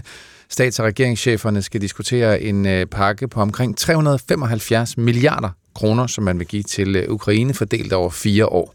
Og øh, det gjorde de også i december, men der blokerede Ungarn for, at den kunne træde i kraft. Og igen så er Ungarn jo selvfølgelig i fokus. Godmorgen til dig, Ole Ryborg. Godmorgen. Med fra, øh, med fra Bruxelles. Med fra en, øh, en by, hvor, øh, hvor, hvor, hvor landmændene laver ballade. Ja, det er fuldstændig rigtigt. Jeg måtte op klokken meget, meget, meget tidligt for at komme rundt om, om af landmænd, så jeg har været på kontoret siden 6.30, og så her, når vi er færdige med dig, så skal jeg igennem noget politiafspæring og noget security, og hvad ved jeg, for at komme ind og lave doorstep med Mette Frederiksen klokken 9.20, mm. så det er early risers her i Bruxelles for at være med i radioen. Men Ole, det er jo ingenting i forhold til det, som vi kan vente os af det her EU-topmøde. Det er rigtigt, og øh, jeg tror ikke, man kan understrege nok, hvor alvorligt det her er. Altså hvis du kigger på situationen lige nu, så ude på slagfeltet, så er det sådan, der er en historie, eksempelvis her til morgen fra Bloomberg News, øh, om at hver gang øh, russerne skyder tre granater, så kan ukrainerne kun svare med en, fordi EU ikke har leveret det, øh, altså de våben, det er, øh, de granater, der skal til, øh, som man havde lovet. Øh, pengene til EU's våbenstøtte til Ukraine, den kasse, der hedder den europæiske fredskvalitet, den er tom, og man skændes om, hvordan den skal fyldes op.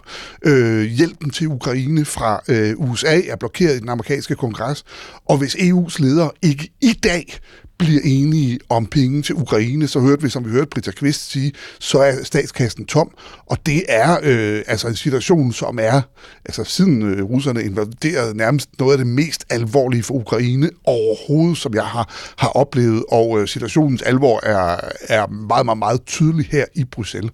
Ja, og som statsminister Mette Frederiksen har fået, fået sagt sammen med andre regeringsledere, det er et spørgsmål om, om, om liv og død. Så den her hjælpepakke til 50 milliarder euro, altså hvad er mulighederne, hvad er sandsynligheden for, at, øh, at de nu får den vedtaget? Jamen jeg vil sige det på den måde, at der, der er ikke nogen option med, at man øh, forlader Bruxelles i dag og så tager man et øh, nyt møde om en måned og ser, om det så er blevet bedre. Det var det, man gjorde i december, da Ungarn og Ungarns premierminister Viktor Orbán blokerede. Den mulighed har du ikke i dag. Og det vil sige, hvis Orbán og Ungarn blokerer i dag, så kommer du til at ske, se noget som, og nu har jeg altså været i Bruxelles i 35 år, som vil være meget, meget, meget øh, vildt og voldsomt.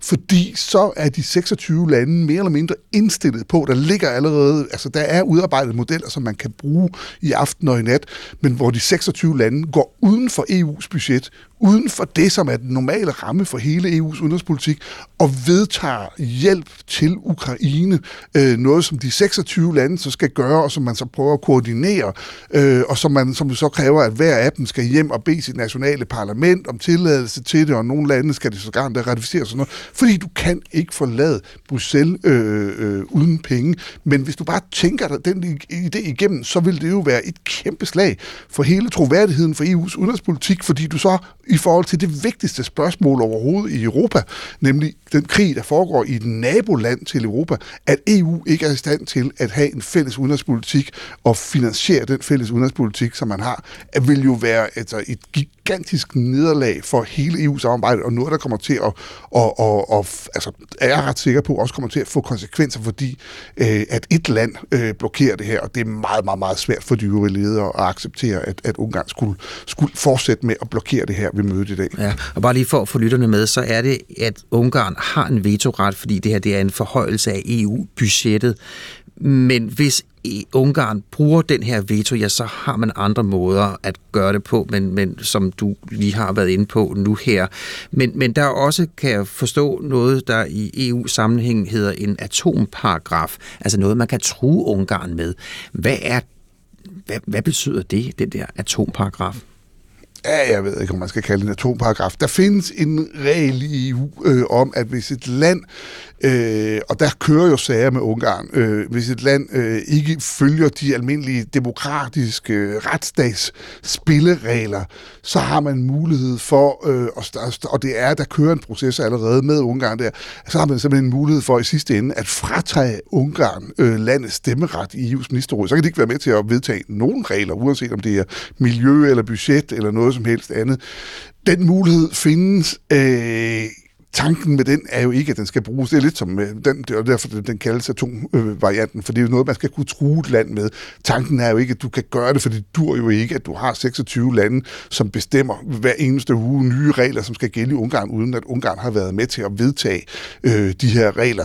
Så det har jo altid været en option, som man har kunnet true med at bruge til at presse og sige, I er nødt til at overholde EU's demokratiske spilleregler. Og så må man bare sige til Ungarns forsvar, lige præcis når det gælder det der, det er jo, her er det jo ikke et spørgsmål om om, om retsstaten i Ungarn. Det er der andre diskussioner, som handler om. Men her er det et spørgsmål om, at Ungarn bare er politisk uenig med, enig med de andre, 27, eller øh, andre 26 EU-lande, og derfor ville det være meget mærkeligt at bruge den her paragraf. Men det er rigtigt, der er EU-ledere, der har nævnt den mulighed, simpelthen i deres frustration over øh, Viktor Orbán og den ungarske premierminister. Mm, en lynhurtig analyse her til allersidst. Ungarn har jo været på bagbenet, men så var der sådan lidt formidlende toner fra dem. Men så virker det omvendt som om, at han, øh, Viktor Orbán igen har skærpet skærpet, tonen. Hvordan analyserer øh, folk i og omkring de her forhandlinger Ungarn netop nu? Jamen, sagen jeg har været til et antal forskellige briefinger for, med både med institutioner og forskellige lande, og ingen aner, hvad Ungarn kommer til at gøre. Og normalt, du, Bjarne, du har jo analyseret dansk politik, og du kan altid sætte dig ned og så sige, jamen regeringen sådan, men så kommer oppositionen der, og hvad ved jeg. Vi taler om et land, hvor Viktor Orbán bestemmer alt. Han har godt nok et politisk parti, men det er ham, der bestemmer over alt det politiske parti, og det vil sige, hvis du ikke ved, hvad Orbán hvis han ikke afslører selv, hvad han tænker, så er der ingen, der kan analysere, hvor det er, han ender. Og jeg har simpelthen altså, talt med folk på meget, meget, meget højt niveau i Bruxelles i de seneste par dage, og ingen ved, hvor Orbán vil gå hen på det her topmøde. Så øh, når de ikke kan, så kan jeg heller ikke. Men tak for øh, forsøget, Ole Ryborg. Selv tak. DR's EU-korrespondent. Og sådan er det klokken et enkelt minut over halv otte. Niels Christian Lang er kommet i studiet med et nyhedsoverblik. Et nyt stort problem er opstået ved Nordic Waste nær Randers. Mens man forsøger at stoppe jordskredet, kæmper man nu også med store mængder vand på grund af den seneste tids nedbør, der er forurenet med tjærestoffer og tungmetaller som kviksøl og bly. Man har nu været nødt til at grave nye vandbassiner for at holde vandet tilbage, fortæller kontorchef Jan Ries fra Miljøstyrelsen. Det er jo ikke meningen, der skulle være forurenet øh, overfladevand herovre på den her side, men det var nødvendigt for os at gøre øh, i den situation, vi kom til at stå i med meget vand. Og det er stærkt forurenet vand, vi taler om, siger Henrik Holbæk, der er lektor på SDU med speciale i giftige stoffer i vandmiljø. De målinger, der kom fra Randers, den øh, kommunen øh, fik lavet den 20. december, de var faktisk så høje, at selv, øh, selv fisk ville ikke kunne overleve i det vand i længere tid. Og der er mere om situationen på Nordic Waste her i P1 Morgen lige om lidt. På trods af politiske løfter om at sætte ind over for salg af nikotinposer til børn og unge under 18, så er det stadig muligt for de helt unge at købe snusposerne på nettet. Og det er det rene gift, de stadig kan købe, det siger professor i neurobiologi Jesper Andreasen. Risikoen for at blive psykisk afhængig af nikotin, så den her vanedannende effekt, hvor man sidder fast i nogle låste tanker og adfærdsmønstre, den er på linje med kokain. Og 17-årige Sebastian Frederiksen og hans ven Bastian Busgaard kan godt skrive under på, at det er stærkt vanedannende. Det er ligesom sådan at få lidt sommerfugle i maven på en eller anden måde. Ja. Sådan, og så mangler der noget, og så ved du godt, at det er det. Man kan ikke tænke på andet. Og så er Norge blevet voldsomt, eller ramt af en voldsom orkan. Et enkelt sted har man målt vindstyrker i Norge på 51,6 meter i sekundet i nat. Gennemsnitsvinden er på 39,5 meter i sekundet. Orkanstyrke starter ved 32,6 meter i sekundet. Norges Meteorologiske Institut har udsendt varsler for blandt andet orkanvindstød, kraftige snefald og lavinefare.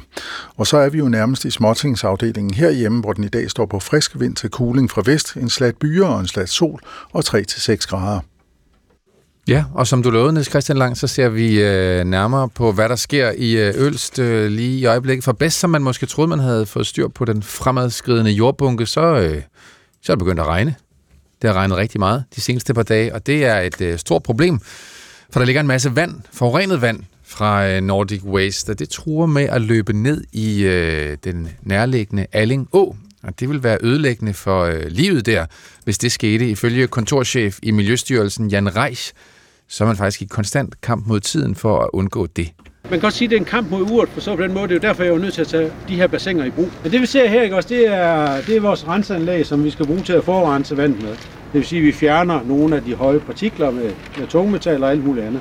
Ja, situationen er så alvorlig, at myndighederne nu er i gang med at opsætte et lille renseanlæg for at rense spildevandet så meget, at det kan køres videre til Randers Central Renseanlæg. Ja, og der står du, øh, Peter Christensen. Godmorgen.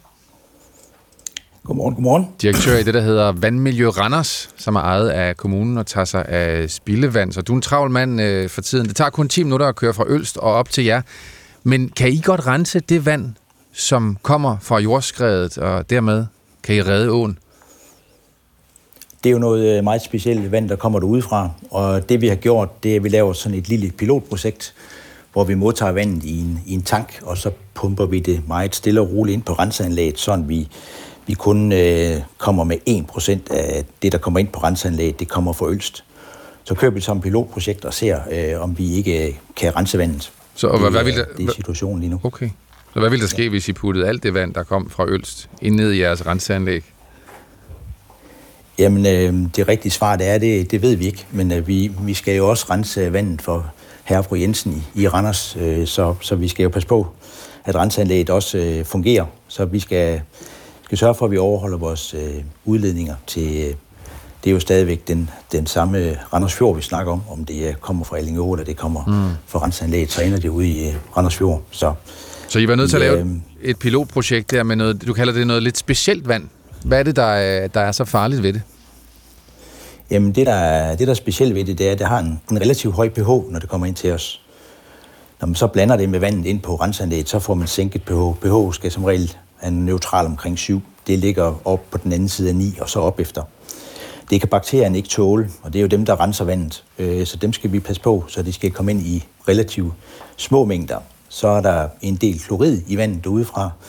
Klorid det findes også i, i vejvand efter, efter snefald og sådan noget, men hvis der kommer for meget klorid ind på renseanlægget, så er den der måde, man kan skille, øh, hvad det hedder, slammen, der er i vand, øh, inden det løber ud fra renseanlægget, den bliver nedsat når man har for meget klorid i, så vi skal passe på, at der ikke kommer for meget klorid ind. Og så er der noget, der hedder sulfat, som kan ætse beton. Øh, vi har nogle specielle betonanlæg derude, fordi vi øh, har de her renseanlæg. Så der har vi lavet en, en øh, der har vi taget en beholder i brug, hvor vi tager det stille og roligt ind i renseanlæget, så at resten af renseanlæget ikke vil blive påvirket af det. Mm. Og det sidste er, ligesom du, du også nævnte tidligere, det er, at der er en række tungmetaller i det. Og normalt så vil tungmetallerne, de vil øh, som regel binde sig til det her slam, og så falde til bunds, inden vandet det løber ud.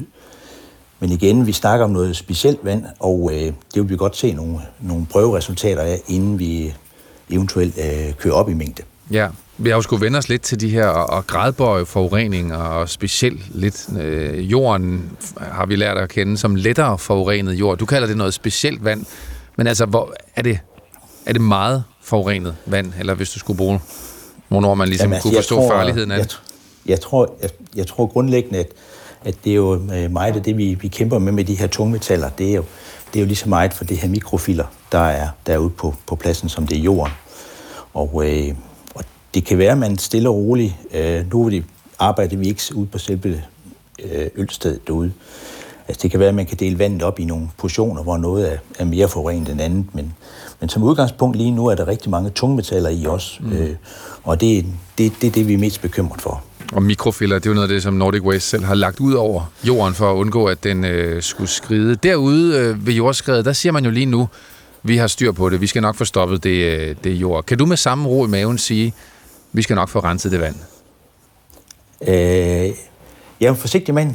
Øh, vi, vi kører små mængder ind ad gangen, fordi vi har som sagt øh, spildevand for omkring øh, 100.000 borgere bag ved os, øh, og det skal vi jo fortsat kunne rense.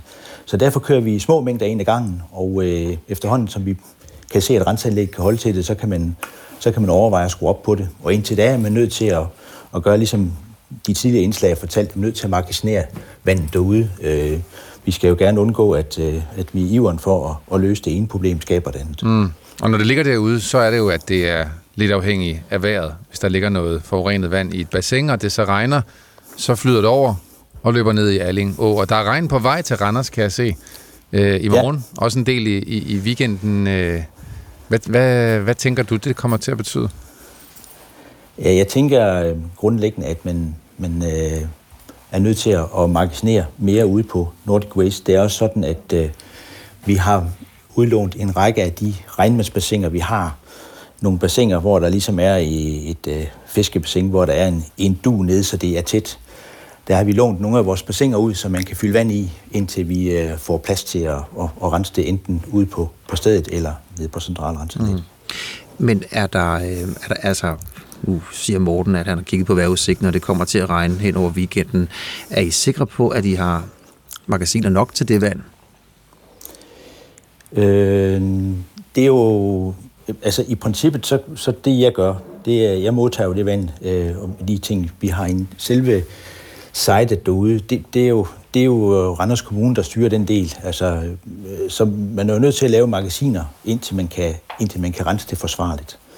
Øh, så det må jo være svaret til dig. Ja, men der er mange, altså, der, der er mange Peter Christensen, ja. borgere derude i Øls, der hele tiden stiller spørgsmålet, er der styr på det? Er der styr på det jord der? Og nu, ja. nu kører det så i radioviserne her med, at det er ikke så godt, hvis det regner i Randers, fordi så løber det ud over og ned i åen. Så altså, hvis, hvis mm. du er en forsigtig mand, siger du, men er der styr på det, synes du?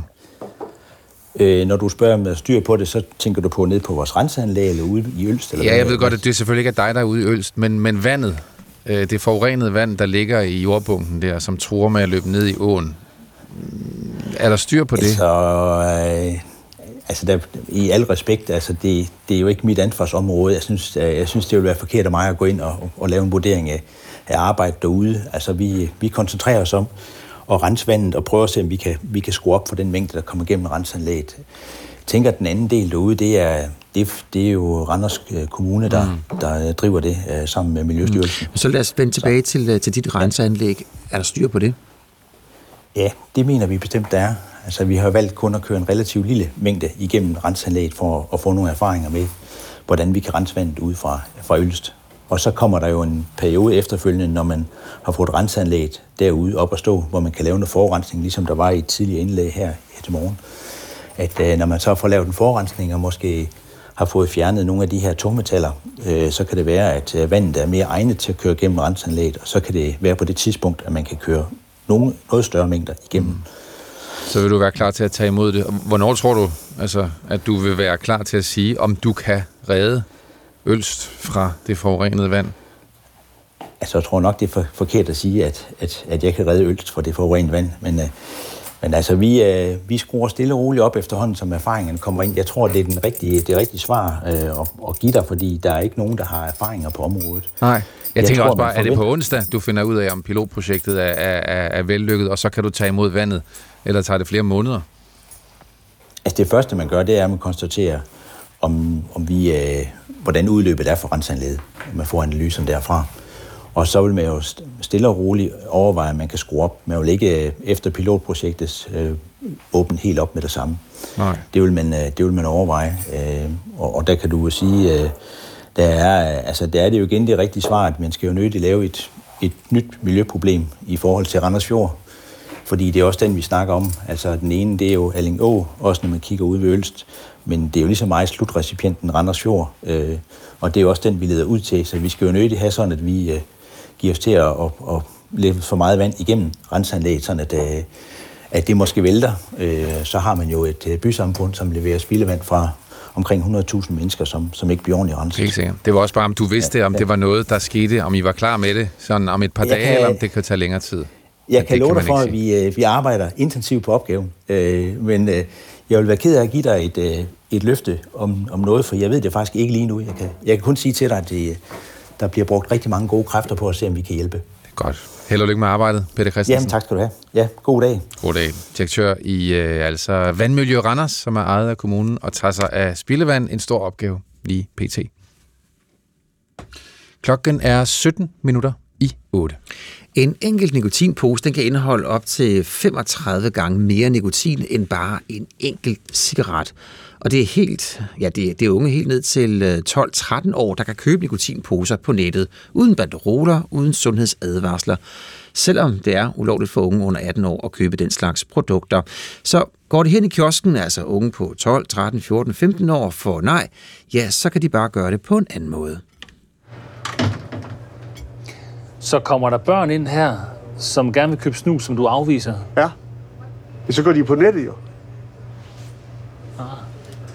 Og så køber de bare der? Ja. Og så kommer de samme børn og henter en pakke hos dig? Ja. Og vi står og udleverer til unge mennesker, helt ned til 12-13 års alderen. 12-13 år? Ja. Ja, så kort kan det siges. Ja, ja og ja. De kan bare aflevere pakkerne, og de er kun 12 år, og ja, der er nikotin inde i dem. Ja, så lyder det i DR's kontant i aften. Det er kl. 21.25, man kan se den udsendelse. Og det er farligt for de unge med de her nikotinposer. Det ved du en masse om. Godmorgen, Jesper Andreasen. Godmorgen. Du er neurobiolog på Københavns Universitet. Hvad er sundhedskonsekvenserne af de her nikotinposer for unge? Vi hører, vi hører at, at, at, at, at det, det, det er 35 gange mere nikotin end bare i én cigaret. Øh, sundhedskonsekvenserne for unge er ganske anderledes, end de er for voksne mennesker, der bruger nikotin. Hjernen den fortsætter med at udvikle sig øh, hele livet, men den udvikler sig i særlig høj grad i alderen sådan 12-13 op til 20-25 års alderen.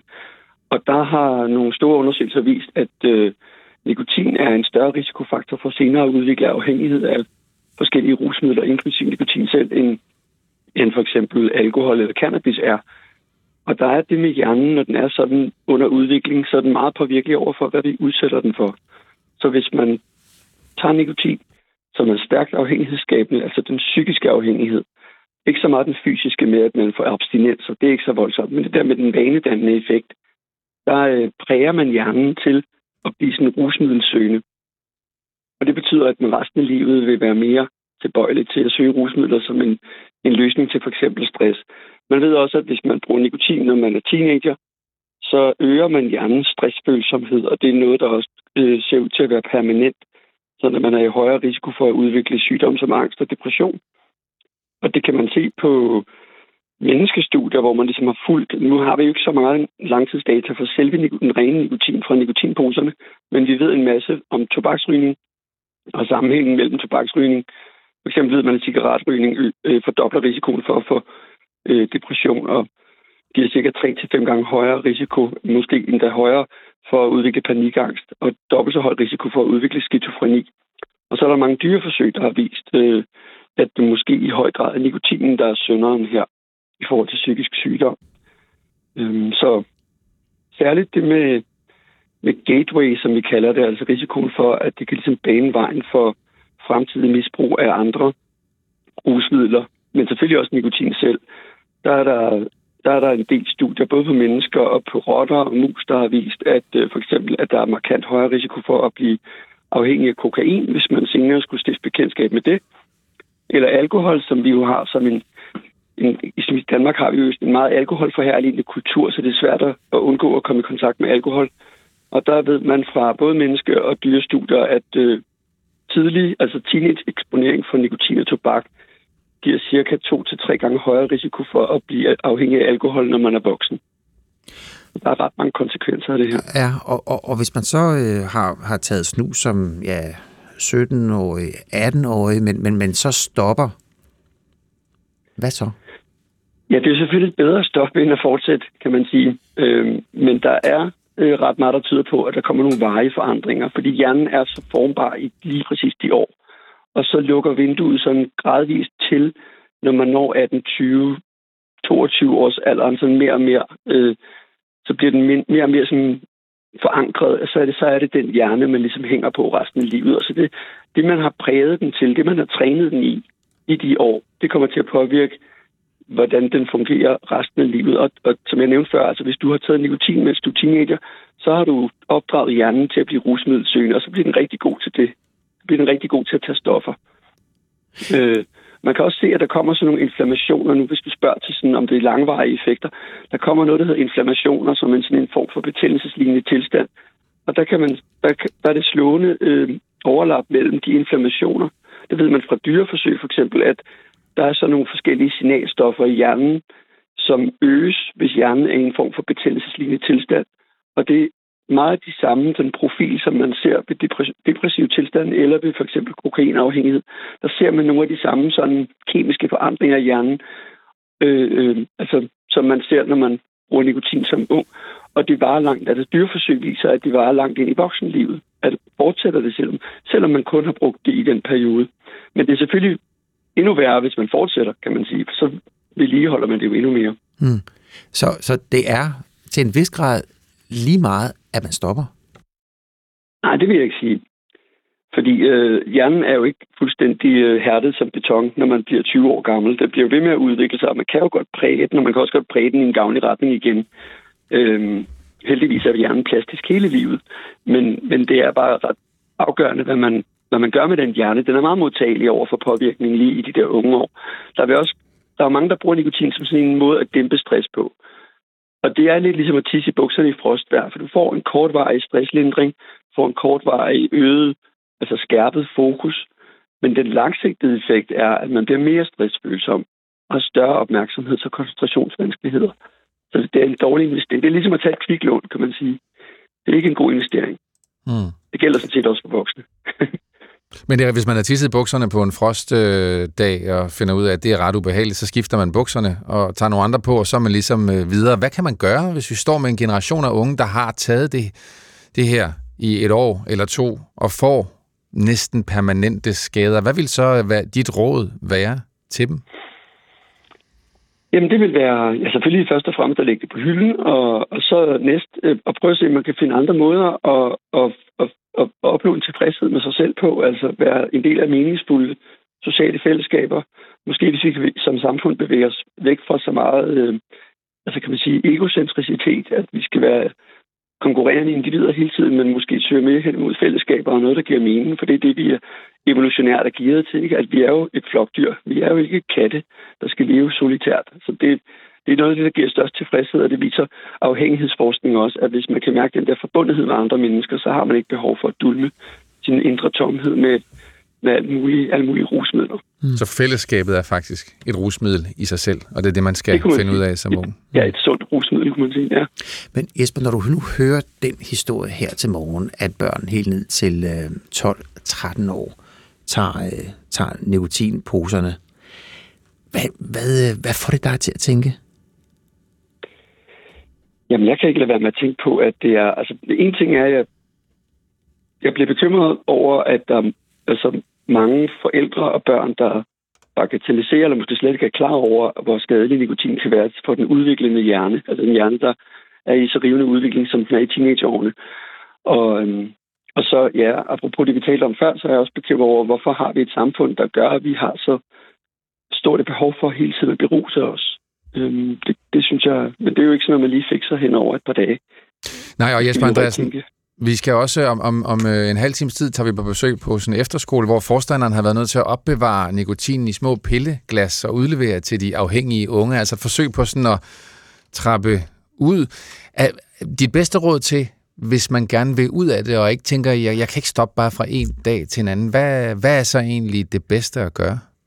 Det bedste, det er at øh, sørge for i første omgang stadigvæk at få den nikotin, man altså for at holde abstinenserne væk, så, så kan man tage nikotinen, men på en anden måde, hvor det ikke virker så hurtigt og ikke giver et sus.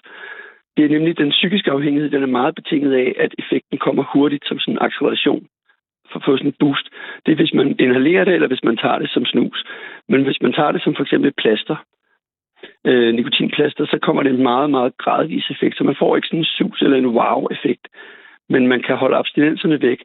Og så lærer, så aflærer hjernen ligesom det der med, om hver gang jeg er i den her kontekst, så mærker jeg det her sus, fordi så tager jeg puffet på min cigaret eller min, min snus. Øh, så vil det være, jeg kan sige, man tager sig af den psykiske del af afhængigheden, og så må man håndtere det med den fysiske, det med abstinenserne bagefter. Og så kan man så trappe ud af det. Så det vil være mit bud, at man ligesom løser de to problemer en af gangen. Først det psykiske, ved at, at, at tage nikotinen på en, mere, øh, en måde, hvor det virker mere gradvist, og så bagefter trappe ud, når man er kommet, kommet ud af den der vane, man, man var lust fast i. Med et plaster, for eksempel. For eksempel plaster, Tak ja. for det, Jesper Andreasen. Selv tak.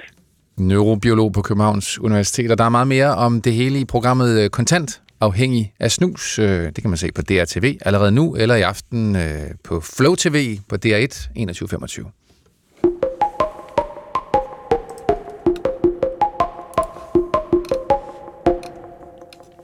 Natten til tirsdag stormede israelske soldater klædt i civilt og hospitalsuniformer et hospital i Jenin på, øh, Jenin på, på Vestbreden, hvor de dræbte øh, tre palæstinensere liggende i hospitalsenge.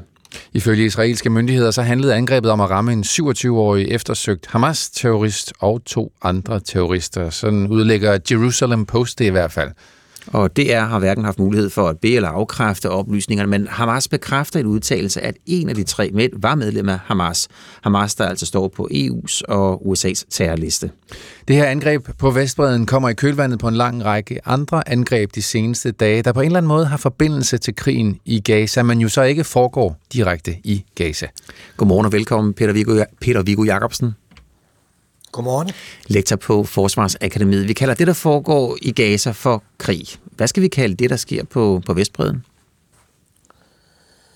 Jamen, når man render ind og skyder folk nærmest summarisk, så minder det jo ikke ret meget om en politiaktion, så minder det også om krig. Men, men det vi jo ser, og det som I, I henviser til, det er jo, at man kan begynde at se det, man kan kalde horisontal eskalation. Det vil sige, at der begynder at bryde krigshandlinger ud i en ret stor radius rundt om Israel. Vi har set det her øh, droneangreb, der dræbte amerikanske soldater inde i Jordan. Vi ser øh, en hel del angreb på amerikanske mål, øh, udført af iranske militser i Irak og Syrien. Vi har set øh, Hezbollah angreb øh, fra Libanon ind i Israel. Vi har set Israel svare tilbage ind i Libanon og blandt andet også dræbe øh, Hamas-repræsentanter, men også Hezbollah-ledere.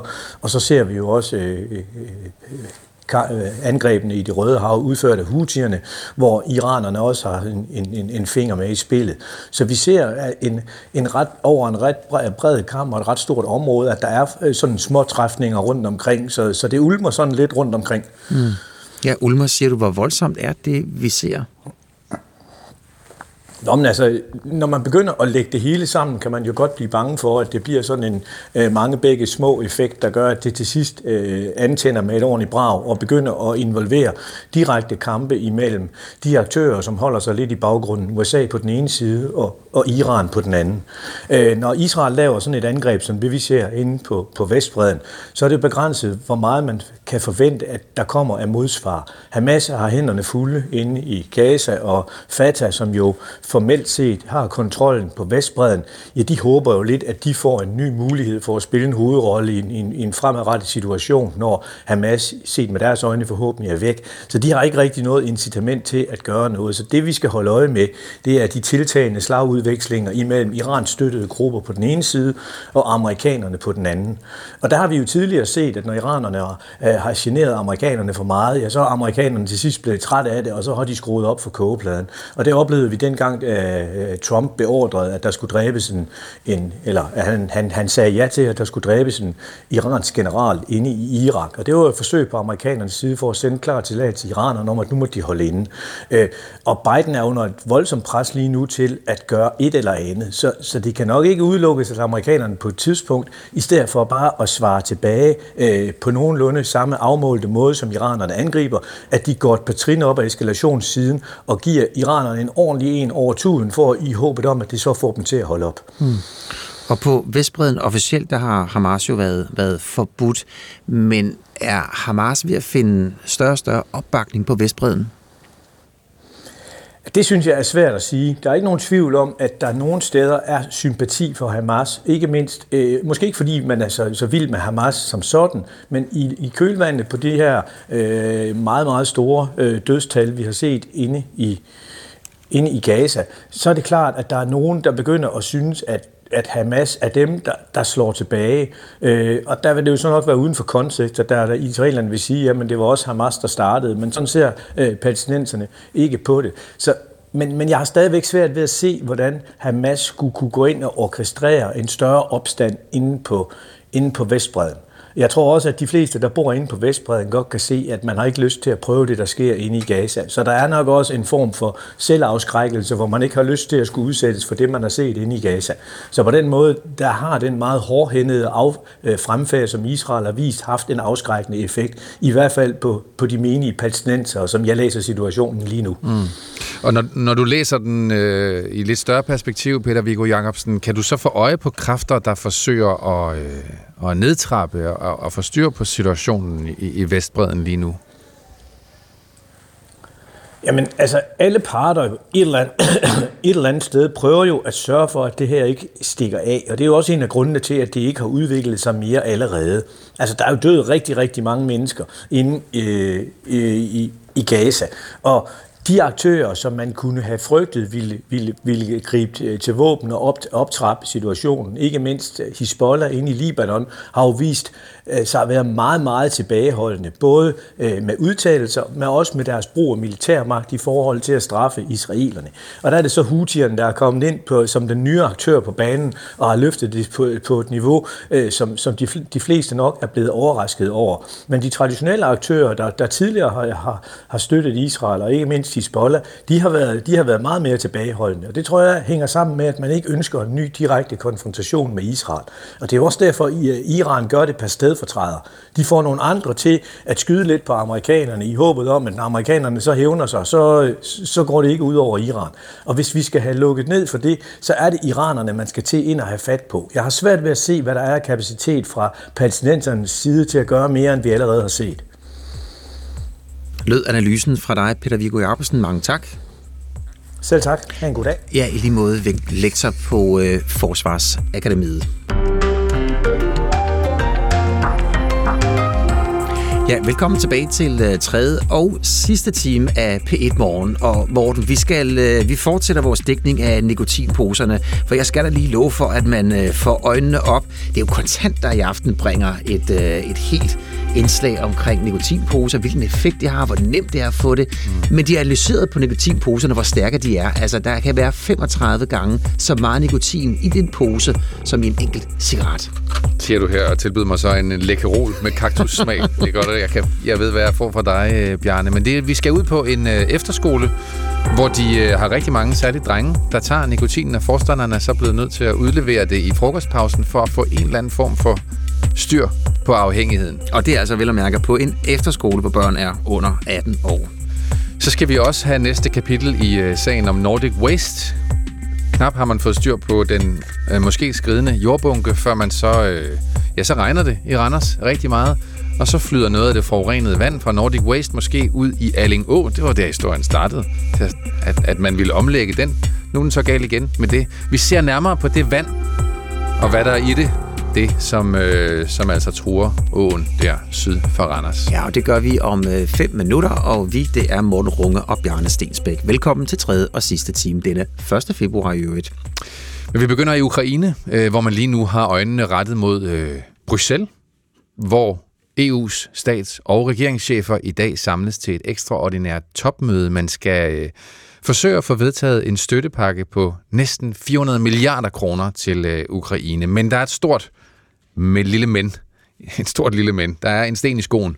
Ja, fordi det her bliver beskrevet som en af de mere dramatiske EU-topmøder gennem rigtig lang tid. Fordi i spillet om de mange milliarder til Ukraine, ja, der er jo Ungarn. Og Ungarn er mildest talt en stor sten i skoen. For Ungarns leder, Viktor Orbán, han har indtil nu blokeret for den her aftale, senest da hjælpepakken var på bordet tilbage i december måned. Ja, Orbáns Ungarn øh, har været et af de mest øh, venligsindede EU-lande over for Rusland gennem krigen mod Ukraine, og det har givet anledning til mange europæiske hovedbrud de seneste øh, to år. Ikke mindst i Kiev, hvorfra man jo betragter hele sagen med tilbageholdt åndedræt, fortæller Britta Kvist, deres udsendte i øh, Kiev. Der er jo meget opmærksomhed fra internationale side og her omkring, hvor kritisk det er for, at øh, Ukraine mangler ammunition. Der er en historie her i, øh, morges øh, om, at russerne er i stand til at sende tre gange så mange granater afsted, som ukrainerne er. Men det her med pengene til budgettet, det er fuldstændig lige så øh, vitalt. Altså, Ukraine bruger alle sine penge på at føre krig. Så det vil sige, at øh, det, som et statsbudget ellers skal dække, altså pensioner, uddannelse, politi, hospitaler osv., det skal man altså have hjælp til, for ellers så, øh, som øh, en økonom, jeg, jeg talte med, siger, så må Ukraine kapitulere økonomisk i løbet af bare få måneder. Det er et spørgsmål om overlevelse. Mm.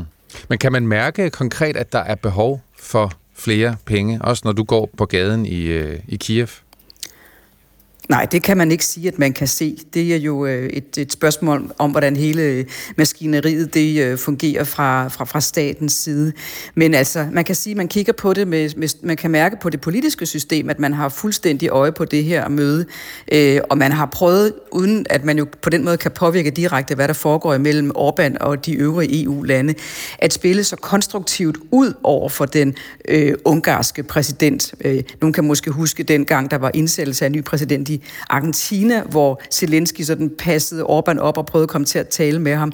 Der har lige været et besøg i den vestlige del af landet med den ukrainske udenrigsminister og den øh, ungarske udenrigsminister for at prøve at få et møde i stand, så Orbán kunne komme på besøg i Kiev, og også spørge igen, er der noget, vi kan gøre i forhold til det ungarske mindretal her? Altså virkelig prøve at være konstruktiv og møde øh, øh, Ungarn og en eventuel kritik med, med åbne arme. Mm, og, og kommer der noget ud af den dialog? Altså ender Ungarn så med at sige, ja, det kan da godt være, at der er noget, I kan gøre, eller hvor, hvor, hvor ender det hen?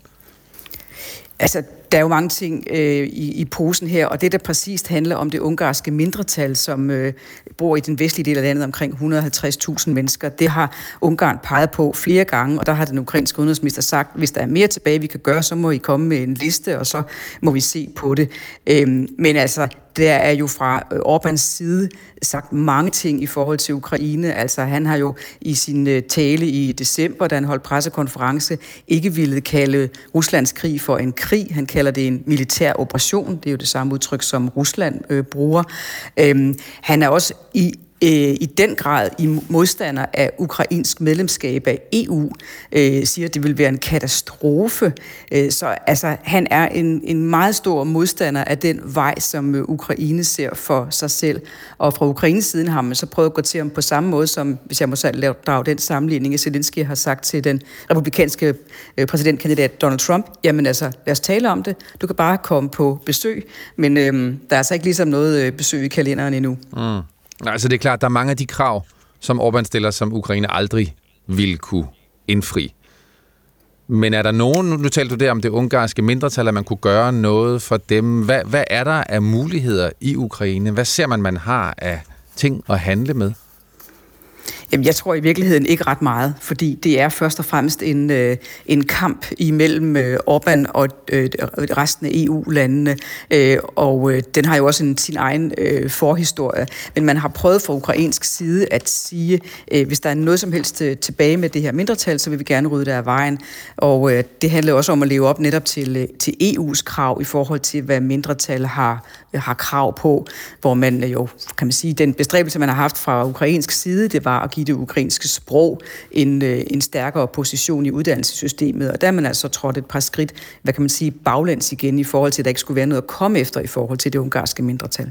Og Britta Kvist, det er jo ikke bare i, øh, i EU, der er et slagsmål om, om bevillinger til Ukraine. Det samme er jo tilfældet i USA, hvor der er slagsmål om en støttepakke til ja, 60 milliarder dollars. Er der i Ukraine blandt politikere en, en voksende bekymring, som betyder, at der er flere, der sådan langsomt og, og måske ikke med så høj stemmeføring, men dog begynder at tale om, måske vi skulle overveje fredsforhandlinger med Rusland? Det må jeg sige øh, klart nej til. Øh, hvis de siger det nogle steder, så er det i hvert fald ikke i øh, offentligheden. Øh, men det er da klart, at der er en, øh, en, en stor bekymring, fordi øh, nu som sagt her bare fra, fra starten af i morges kunne man se, det var Bloomberg-mediet, som havde øh, refereret, øh, hvor, hvor desperat en, en mangel øh, Ukraine har på ammunition, at langs hele den her kæmpe lange frontlinje, der er øh, russerne altså dagligt i stand til at affyre tre gange så mange granater, som øh, ukrainerne er. Og øh, altså, det, er jo, det er jo klart ikke noget, der fører imod den øh, sejr, som Ukraine bliver ved med at sige officielt, er det, det eneste mål, man kan se. Mm. Så ved man, øh, har Ukraine selv opgjort, altså hvor lang tid kan de klare sig uden flere Ved du hvad, penge? det er meget muligt, de gør, men den slags offentliggør man jo ikke.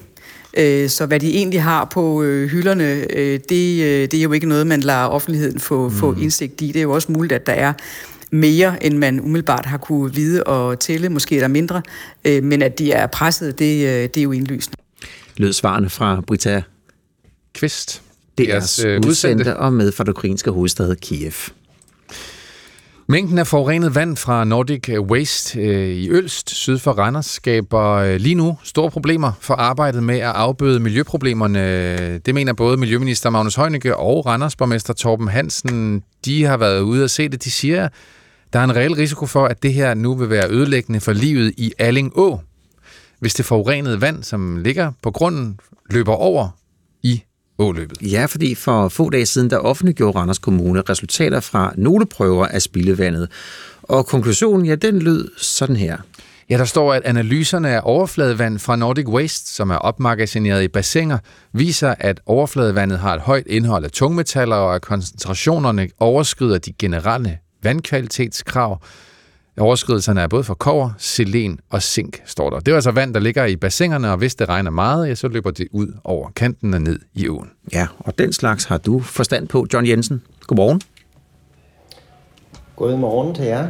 Du er seniorforsker og ekspert i miljøskadelige stoffer, og du er fra Aarhus Universitet. Det er, hører vi, høje koncentrationer af tungmetaller i det forurenede vand. Hvilke konsekvenser får det for Allingå, hvis hvis det skulle løbe ud i den? Ja, altså først og fremmest er det jo vigtigt at sige, at der er, der er mål for relativt få stoffer, men de stoffer, man har mål for, tungmetaller og tjærestoffer, de findes i koncentrationer, som er over det, vi kalder vandkvalitetskravene. Det vil sige, så udgør de en potentiel øh, risiko for dyr og planter, som dem vi for eksempel finder i, øh, i Alling Å.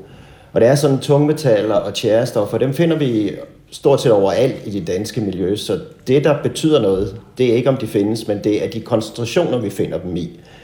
Og typisk, når de og hvis de kommer ud i for høje koncentrationer i, i vores ferskvandsområder, som for eksempel Allingå, jamen så vil de potentielt kunne gøre skade på vores små dyr i vandløbene, som vandlop og sekter og andre smådyr.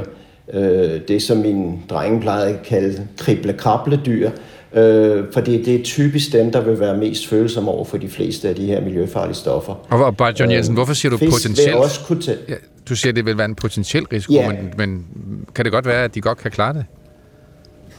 Øh, det kommer meget an på, øh, altså, der er ty- to typer ligesom af, af, af ting, man skal tage, tage hensyn til.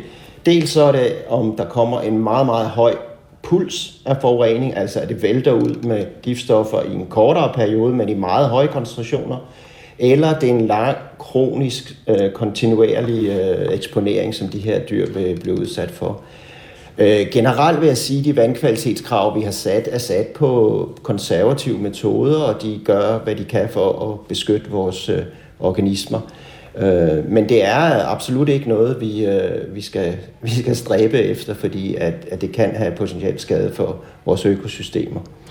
Vil du... Og som sagt, fisk er ikke dem, der umiddelbart først vil blive påvirket, men hvis vi, øh, hvis vi øh, skader de øh, organismer, som de bruger som fødegrundlag, så vil det selvfølgelig også kunne påvirke fiskene på sigt. Vil du, John Jensen, spise en fisk fra Allingå? Jamen, det kommer jo helt an på, hvor høje koncentrationer der er af de forskellige stoffer. Øh, det kan jeg simpelthen ikke øh, udtale mig om. Øh, altså generelt så de vandkvalitetskrav, der er fastsat for de fleste stoffer, det er for at beskytte økosystemerne. Og øh, det er typisk øh, ved lavere koncentrationer der, hvor det er humant skadeligt for dem, der eventuelt skulle spise en fisk i ny og næ. Men altså, det kommer helt an på, hvad det er for stoffer, der findes derude, og hvad det er. Og øh, ja, altså hvis det er fyldt med PFAS, så vil jeg givet ikke gøre det, for eksempel. Men du siger, at det hele kommer an på, og det er en potentiel risiko. Altså vi ved jo, øh, hvor det er henne. Vi ved, det er på Nordic Waste, det store bjerg der, og vi ved, hvad der er i vandet, og vi ved, at hvis det regner, så løber det ud over kanten og løber ned i åen. Kan du så sige, hvad der vil ske ja. med åen, når du nu også ved, hvad der er i det vand, der løber ned i den, når du ved cirka, hvor hurtigt sådan noget regnvand måske nok løber? Jamen, der er det jo vigtigt at sige, at det her er en, når vi snakker vandkvalitetskrav og de ting gør, så er, det, øh, så er det sådan en slags forsigtighedsprincip. Når vi overskrider de koncentrationer, så er der en potentiel risiko. Og så den eneste måde, vi rent faktisk kan få fuldstændig øh, belæg for det, det er ved at lave undersøgelser på stedet dels kemiske undersøgelser selvfølgelig. Hvad er der reelt ude i vandløbet? Hvor meget bliver det fortyndet? I, i, i i hvilken grad kommer det ud som det, jeg kalder en puls, altså i meget høje koncentrationer? Eller er det en, en langsom udsivning over tid? Så man bliver nødt til simpelthen på området at få et bedre datamateriale. Og så bliver man jo nødt til at undersøge også eventuelle øh, koncentrationer i de fisk, der er i området. Øh, hvis det er noget, der overskrider de her vandkvalitetskrav, øh, så bliver man nødt til at lave nogle øh, nogle mere tilbundsgående undersøgelser, før man kan udtale sig helt sikkert. Mm. Og den her sag... Der er forskel på en teoretisk risiko og en, og en reel risiko. Men ja. den eneste måde, man kan blive klogere på, det er ved at lave undersøgelser. Og det her, det er jo en sag, der har budt på den ene overraskelse efter den anden. Så derfor spørgsmålet, når man nu har testet for, for tungmetaller, har man så testet for det hele? Og kan vi sige, at det var så bare det? Ja, det er et rigtig godt spørgsmål, som jeg er ikke 100% sikker kan svare på. Jeg er faktisk ikke engang sikker på, at Randers Kommune kan svare på det for indværende. Men i min optik, så er det en relativt lille analysepakke, som man har brugt øh, både før og efter, øh, skal vi kalde det uheldet, øh, på Nordic Waste-grunden. Øh, og det bygger formodentlig på, at det var de stoffer, der primært var i de materialer, de modtog i begyndelsen, altså lettere forurenet jord. Men hvis man øh, over perioden har modtaget sådan mere komplekse matricer, som, som tungere forurenet jord, eller byggematerialer, eller forskellige typer af slam, jamen så kan der sagtens være andre og forureningskomponenter på øh, området. Og hvis der er andre forureningskomponenter på området, det kunne være PFAS, det kan være PCB eller så videre, som begge er grupper af tungt nedbrydelige miljøgifte, jamen så vil de også kunne findes øh, potentielt i spildevandet, og derved selvfølgelig også i sidste ende ude i Allingå, hvis det, hvis det flyder over eller kommer ud. Mm. Men vil du, John Jensen, seniorforsker, ekspert i miljøskadelige stoffer hos Aarhus Universitet, vil du sige, se dog for pokker for testet for PFAS og PCD? Jeg vil i hvert fald sige, at jeg vil allerførst øh, skabe mig et grundlag, hvad er det egentlig for ting, der er bragt ind på området? Og er der potentiel mulighed for, at der er andre forureningskomponenter, der kan være i de her materialer? Øh, og hvis svaret på de spørgsmål er ja, så vil jeg absolut mene, at man skal udvide øh, analysepakken også på det spildevand, man skal håndtere. Også af hensyn til de renseanlæg, der skal modtage spildevandanlægget, fordi der, der er meget forskel på, om man skal rense for tungmetaller, eller man skal rense, rense for PFAS, eller PCB for eksempel. Øhm, så jeg mener absolut, der er øh, formodentlig er et behov for, at vi får et mere komplekst billede af, af de øh, øh, miljøfarlige stoffer, der kunne være på området, og derved også i spildevandet. Siger du, John Jensen, vi ved faktisk ikke rigtig, hvor alvorligt det er med det her spildevand? Og der er grundlag for at øh, tænke... Altså det spørgsmål må man nok stille til Randers Kommune, som bør have det bedste overblik over, hvad der er bragt ind på området, og, og Nordic Waste selvfølgelig. Øhm, men øh, jeg kan ikke svare på spørgsmålet, så meget vil jeg sige. Ja, vi, vi danser lidt rundt om det, ikke? Vi endte med at kalde jorden for lettere forurenet, og nu havde vi lige øh, øh, manden fra Randers Rensningsanlæg igennem. Han, han sagde, at det er noget lidt specielt vand, det her. Altså, hvis du bare skulle sætte nogle, nogle sådan øh, forståelige risikoord på, på det vand, som vi kender det i dag, uden at have foretaget alle de ekstra prøver, hvad vil du så sige, vi ved om vandet?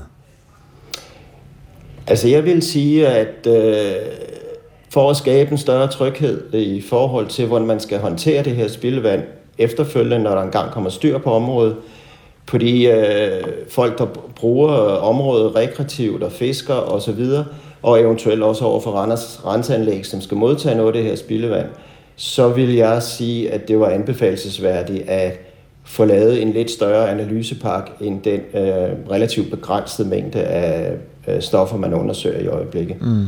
Vil du også nøjes med at kalde det her for specielt vand? Øh, ja, det er jo, altså, det er jo spildevand. Det, der er jo højere koncentrationer i det her, end der er i meget af det spildevand, der løber ud for nogle af vores dårligste renseanlæg. Så det er spildevand, og det skal behandles som sådan. Øh, og umiddelbart med de koncentrationer, vi finder, er det jo også, og det er jo også det, Miljøstyrelsen har påpeget i de tidligere indslag her i programmet, at det ikke er noget, man umiddelbart kan lø, øh, lede urenset ud til Allingå, som det er for indeværende. Hmm. Lød det fra John Jensen, seniorforsker og ekspert i, uh, i miljøskadelige stoffer hos Aarhus Universitet. Klokken den er 8.23.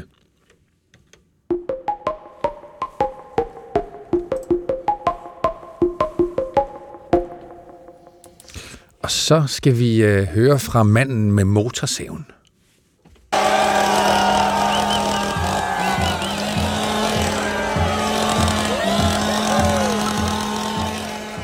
Ja, det lyder måske som en kanadisk øh, skovarbejder, der er ved at fælde stort ahorntræ, men det er faktisk øh, en lydbid fra Argentina.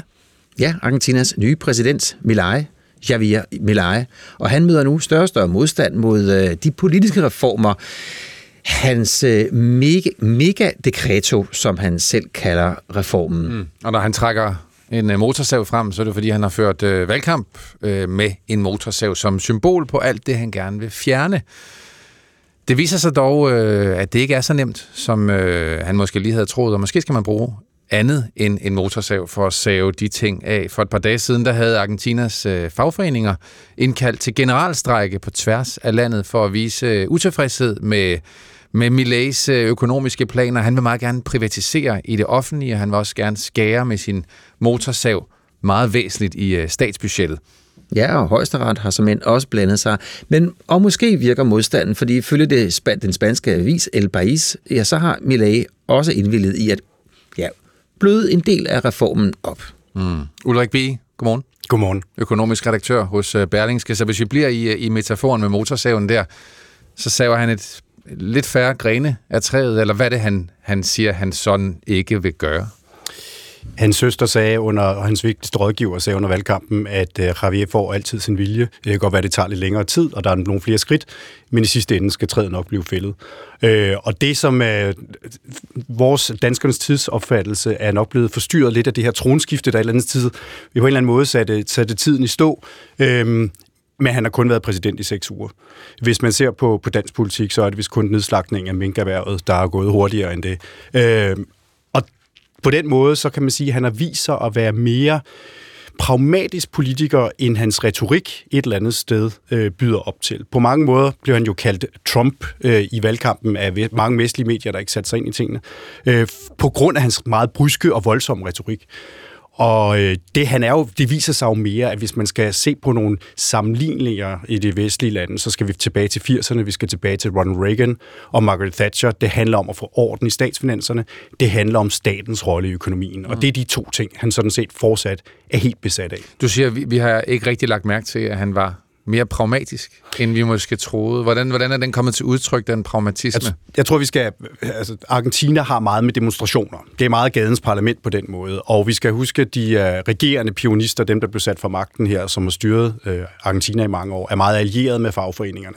Hvis Millet havde fremsat et uh, lovforslag om, at himlen var blå, uh, så havde 100.000 vis af gaden været på gaden i hans, uh, autor, mod hans autoritære beslutninger. Så, så derfor vidste vi, at det her ville ske. Det havde de annonceret på forhånd. Vi ved også, at han ikke har særlig stor opbakning i parlamentet. Han er nødt til at få de borgerlige partier med ombord, nogle øh, centrumpartier.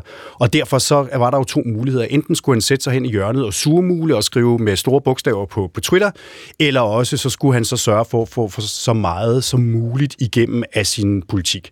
Og han har valgt det sidste. Af et eller andet sted, så har regeringen faktisk, når man ser på den lovpakke, der bliver behandlet i de her dage i parlamentet, så er den, hvis den bare var blevet fremsat uden al den retorik på forhånd, så er den faktisk meget omfattende.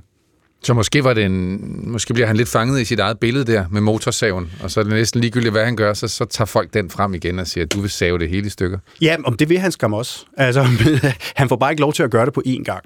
Øh, for eksempel privatiseringer af statslige virksomheder. Han siger jo, det er jo kun næsten Danmark, der har smidt flere penge i et øh, tabsgivende flyselskab, end Argentina har. Ikke? Øh, men det kan, det, han får lov til at privatisere en lang række selskaber, men han får ikke lov til at privatisere olieselskabet, det store dominerende olieselskab. Og det er jo der, hvor man siger, han tager, hvad han kan få, og så er han villig til at opgive det, han ikke kan få, for at få resten igennem. Og det er jo øh, definitionen på en pragmatisk politiker.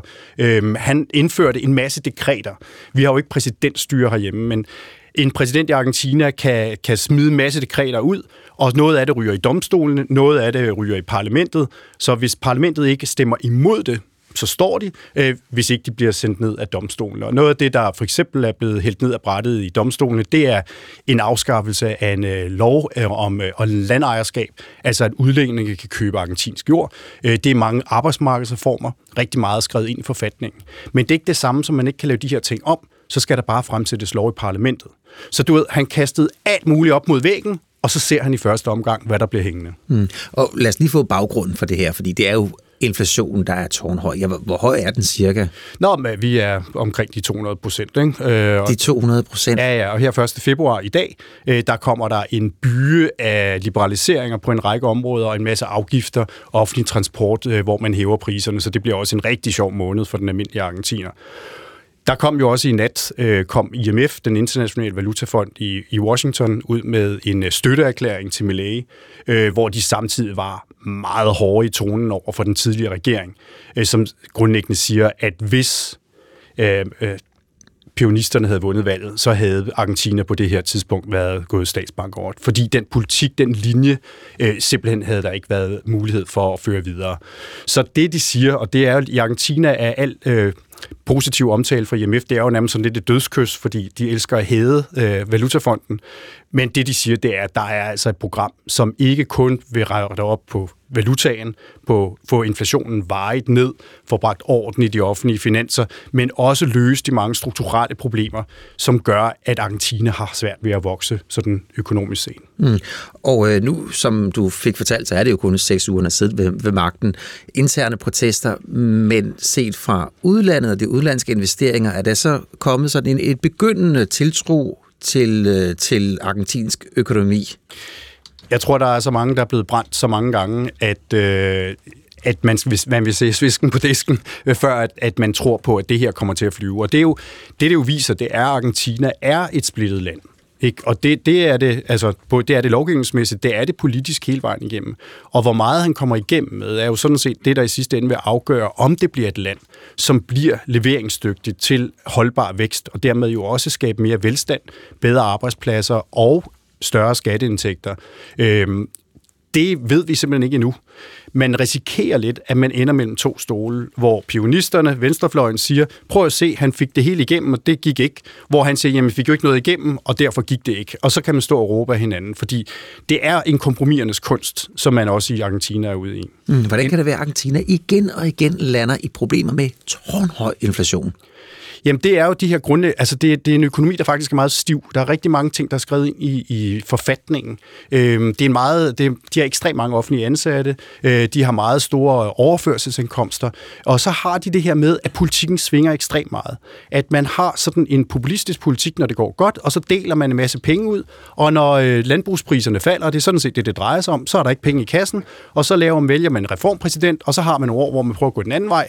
Øh, og det virker ikke. Og så får man altså det her med, at man ikke får en sammenhængende økonomisk politik.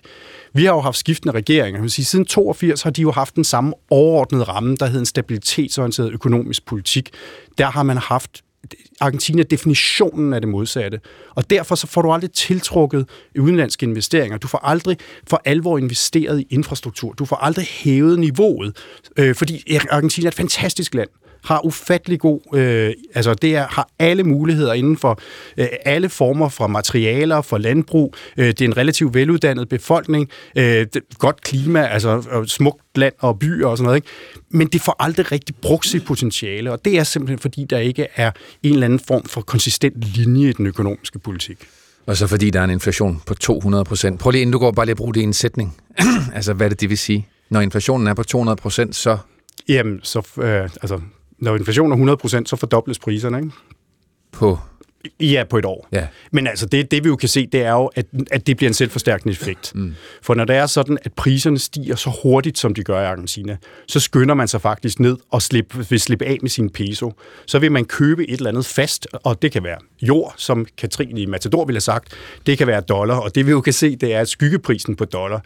Selvom man har devalueret med over 50 procent, eller halveret værdien, den officielle værdi af pesoen, så på det sorte marked, så er det faktisk stadigvæk en 50 procent over overpris. Så man er stadigvæk villig til at gå ud og købe et eller andet, der er noget værd, fordi man er bange for, at ens penge bliver ved med at tabe værdi. Og det er det, inflation gør. Ja, det betyder vel, at når man skal handle ind, så gør man det om morgenen, ikke om aftenen. Præcis. Nå, det, det, det, det er ikke løgn. Det er faktisk det, det drejer sig om. Det er, at inden for en uge, der vil prisen på en kop kaffe ændre sig på en café. Ikke? Tak for historien, Ulrik B. Velbekomme. Økonomisk redaktør hos øh, Berlingske. Klokken den er lige en anelse over halv 9, 8.32. Vi skal have nyhedsoverblik. Niels Christian Lang. Ølst indbyggernes frygt for forurenet vand er ikke ubegrundet. I sidste weekend var de for første gang på rundtur på Nordic Waste, og der lød det sådan her fra Jan Jensen. Det, der måske skræmmer mest, det er vandmængderne. Altså, vi kan se alt det vand, der render rundt, rundt om, og, og hvor tæt på det er på byen. Og nu har øget nedbør så givet så meget vand, der er forurenet med tjærestoffer og tungmetaller, at man har været nødt til at grave nye midlertidige vandbassiner uden membran for at holde vandet væk fra Ølst og de omkringliggende naturområder. Så kontorchef i Miljøstyrelsen Jan Reis forstår godt indbyggernes frygt. Det har jeg fuld forståelse for, men vi gør absolut det bedste, vi kan for at, at, at hindre, at der sker en, en yderligere udbredelse af, af. Ukraine bruger alle sine penge på krigen mod Rusland. Derfor er landet 100% afhængig af, at EU i dag beslutter at yde 375 milliarder i bistand over de næste fire år. Ungarns præsident Viktor Orbán har tidligere sat en stopper for EU-hjælpen, men i dag kan EU-lederne ikke rejse hjem fra Bruxelles uden en aftale, fortæller DR's Europa EU-korrespondent Ole Ryborg. Hvis ikke der kommer en løsning i dag, som Orbán vil, ak- vil acceptere, ja, så bliver man simpelthen nødt til blandt de 26 resterende lande at gå uden for ligesom EU-samarbejdet og EU's budget, og så lave en aftale med penge til Ukraine, for ellers så, så, så kan landet ikke betale sine regninger. Trods politiske løfter om at gøre noget ved det, så kan unge under 18 stadig købe snus på nettet. Og det er ekstremt skadeligt for de unge at bruge snus. Det kan frigive op til 35 gange så meget nikotin som en cigaret, forklarer Jesper Andreasen, der er professor i neurobiologi. Man strander lidt i en teenagehjerne, hvor man så har svært ved at regulere sine følelser, og man bliver mere impulsiv og, og mere sådan sensationssøgende og i større risiko for at søge rusmidler resten af livet men også større risiko for at udvikle depression og angstlidelser, formodentlig også skizofreni. Sundhedsminister Sofie Løde siger, at der nu er lovændringer på vej, som skal sætte en stopper for salget af nikotinposer til unge under 18.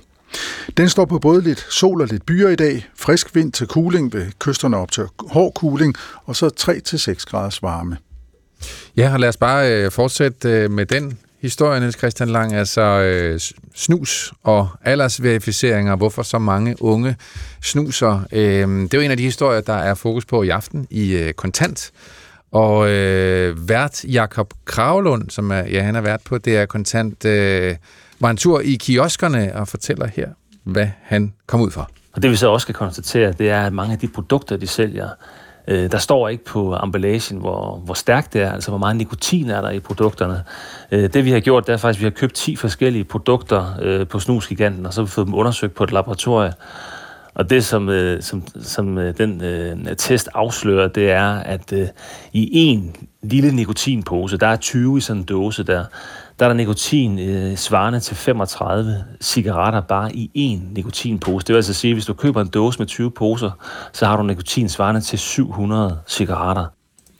Og øh, man skal tage nikotin alvorligt, for det har stor effekt på hjernen, som udvikler sig mest, når man er mellem 12 og 25 øh, år. Det fortæller Jesper Andreasen, og han er neurobiolog på Københavns Universitet. Der har nogle store undersøgelser vist, at øh, nikotin er en større risikofaktor for senere at udvikle afhængighed af forskellige rusmidler, inklusive nikotin selv, end, end for eksempel alkohol eller cannabis er. Og der er det med hjernen, når den er sådan under udvikling, så er den meget påvirkelig over for, hvad vi udsætter den for. Så hvis man tager nikotin, som er stærkt afhængighedsskabende, altså den psykiske afhængighed, ikke så meget den fysiske med, at man får abstinens, og det er ikke så voldsomt, men det der med den vanedannende effekt, der øh, præger man hjernen til at blive sådan rusmiddelsøgende. Og det betyder, at man resten af livet vil være mere tilbøjelig til at søge rusmidler som en, en løsning til for eksempel stress. Man ved også, at hvis man bruger nikotin, når man er teenager, så øger man hjernens stressfølsomhed, og det er noget, der også øh, ser ud til at være permanent, så man er i højere risiko for at udvikle sygdomme som angst og depression. Hjernen er jo ikke fuldstændig øh, hærdet som beton, når man bliver 20 år gammel. Det bliver ved med at udvikle sig, og man kan jo godt præge den, og man kan også godt præge den i en gavnlig retning igen.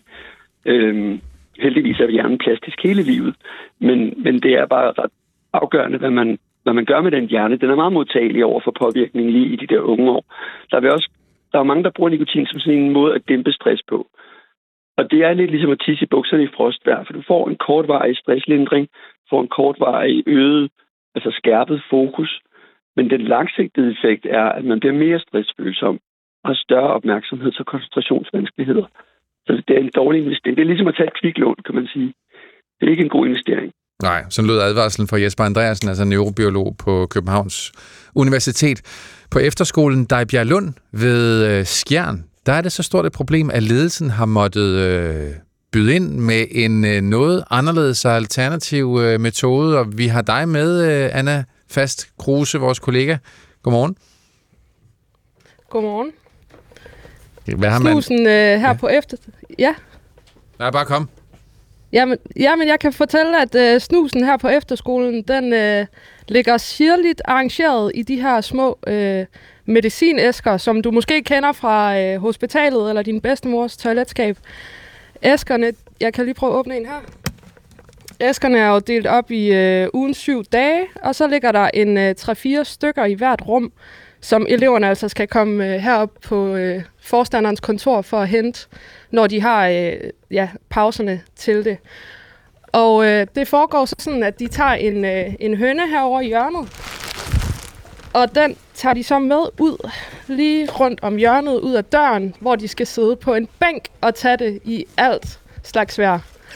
Og jeg har øh, Mikkel Urbrand og Elias Frost med mig, begge to øh, 16-årige elever her på skolen. Drenge, hvordan har det været at, øh, at sidde ude på bænken i alt slags vejr? Altså, det har da været lidt voldsomt her i, i de her efterårs- og vinterperioder. Det har været hammerkoldt, og man skulle ned sin jakke hver gang, og, og ikke blæsevejret. Men øh, vi har haft nogle hønder og nogle paraplyer, blyer, det har gjort lidt, men øh, det er bank med koldt. Er det det værd at, at sidde herude på bænken og få sig en, øh, en skive, som det jo kaldes? Jamen, om det er det værd, det, det ved jeg jo ikke, men når man har den afhængighed, så er, altså, har man brug for det, og så er man villig til at, at gå så langt og sætte sig herude på bænken. Lad os lige øh, sætte os godt til rette. Det er sådan en, øh, en rund bænk, hvor der er plads til en, øh, ja, en otte stykker. Øhm, drenge, da I startede her og blev præsenteret for den her øh, specielle aftale, hvad tænkte I så? Jamen altså, det var jo egentlig ikke planlagt til at starte med, at, vi, at jeg ville på den, men altså, det, er jo, det er jo rart nok, at man har muligheden for at gå på det, i stedet for at det skal være noget, man skal gå alt hemmeligt, at man så i stedet for sådan, kan være åben om det, og komme herud og så være i omkring det, og, og hjælpe med aftrapning og sådan noget, så det ikke bliver et større problem for en. Og nu, altså bænken her, den er faktisk øh, skærmet af. Efterskolen har sat en, en skærm op, så, øh, så de andre elever øh, faktisk ikke kan se jer særlig meget. Men er det ikke, er det ikke lidt pinligt at, at være nogle af dem, der sidder herude? Nej, det, det synes jeg ikke. Altså, øh, når, man, når man har et problem, så er det sådan, det er, så er man jo bare nødt til at... Altså, så kan man ikke bare lukke øjnene for det, og, øh, og, og altså, være bange for at gøre trin, eller hvad man nu er bange for. Der skal man bare være åben og sige, ja, jeg har et problem, og så få hjælp. Og, og nu kalder du det jo altså selv et problem. Øhm, og tidligere på morgenen her har vi hørt en, en forsker sige lidt om, hvor skadeligt det egentlig er for jeres øh, hjerner, der jo er under udvikling lige nu. Øhm, ja, I kan øh, sådan set træne jeres, eller I træner jeres hjerner til at øh, søge de her rusmidler og få den her, øh, den her rus. Og selv hvis I slipper øh, nikotin i en årrække, så har I altså øh, nemmere ved at falde i senere i livet. Altså, hvilket indtryk gør det på jer? Altså, det er da lidt skræmmende, at, at det har så mange bivirkninger, og det gør, at påvirker så meget. Og det er også derfor, at vi ligesom er i gang med det aftrapning her, fordi det er faktisk øh, 10 dage siden, at vi sidst øh, har taget det her snus. Og det er også øh, på grund af, altså vi ligesom ved, hvilke konsekvenser det kan have i fremtiden og sådan noget. Så tænkte vi, det var på tide nu. Ja. Og det skal vi lige øh, snakke lidt mere om, hvordan det så er, øh, er gået jer. Men øh, jeg skal lige have øh, forstanderen herover, Kjeld Christensen. Godmorgen. Det er jo dig, der har øh, lavet den her aftale med, øh, med dine elever. Ja. Hvorfor har du valgt at gøre det? Førhen der havde vi en rygeaftale. Altså, du må ikke starte med at ryge øh, på Dejbjerlund, men hvis du har problemet, så skal vi trappe ud. Og det er egentlig den, vi har kørt videre i, i omkring snus, fordi vi, har, vi så problemet, og vi, vi kunne ikke bare sige, øh, på Dejbjerlund må du ikke tage snus, fordi så vil de snyde med det. Og, og så rent faktisk, hvis de snyder med det, så fastholder du dem i det. Så vi er jo nødt til at gøre et eller andet for at, at ruske op i det her. Øh, og det var at sige, du må stadigvæk ikke komme som elev og starte med at tage snus og, og ryge herude. Men hvis du har problemet, så går vi i dialog. Og det er i dialog med forældre, og i dialog med de unge, og så laver vi aftaler.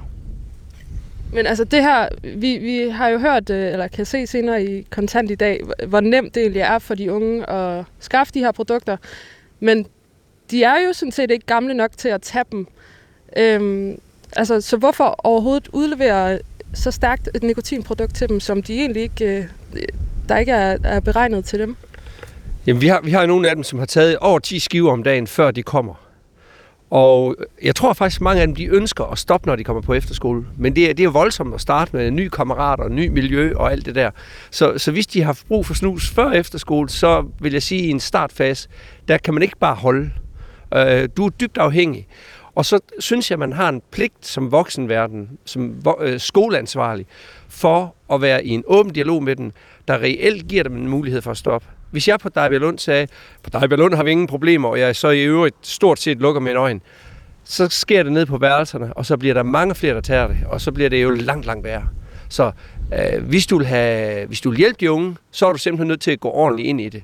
Og ordentlighed, det er at være ærlig omkring tingene, og også være opmærksom på, at det her det er et rigtig dårligt stof. Det er rigtig skadeligt for øh, at få de unge med på det. Og få de unge med på, at de selv er interesserede i at stoppe.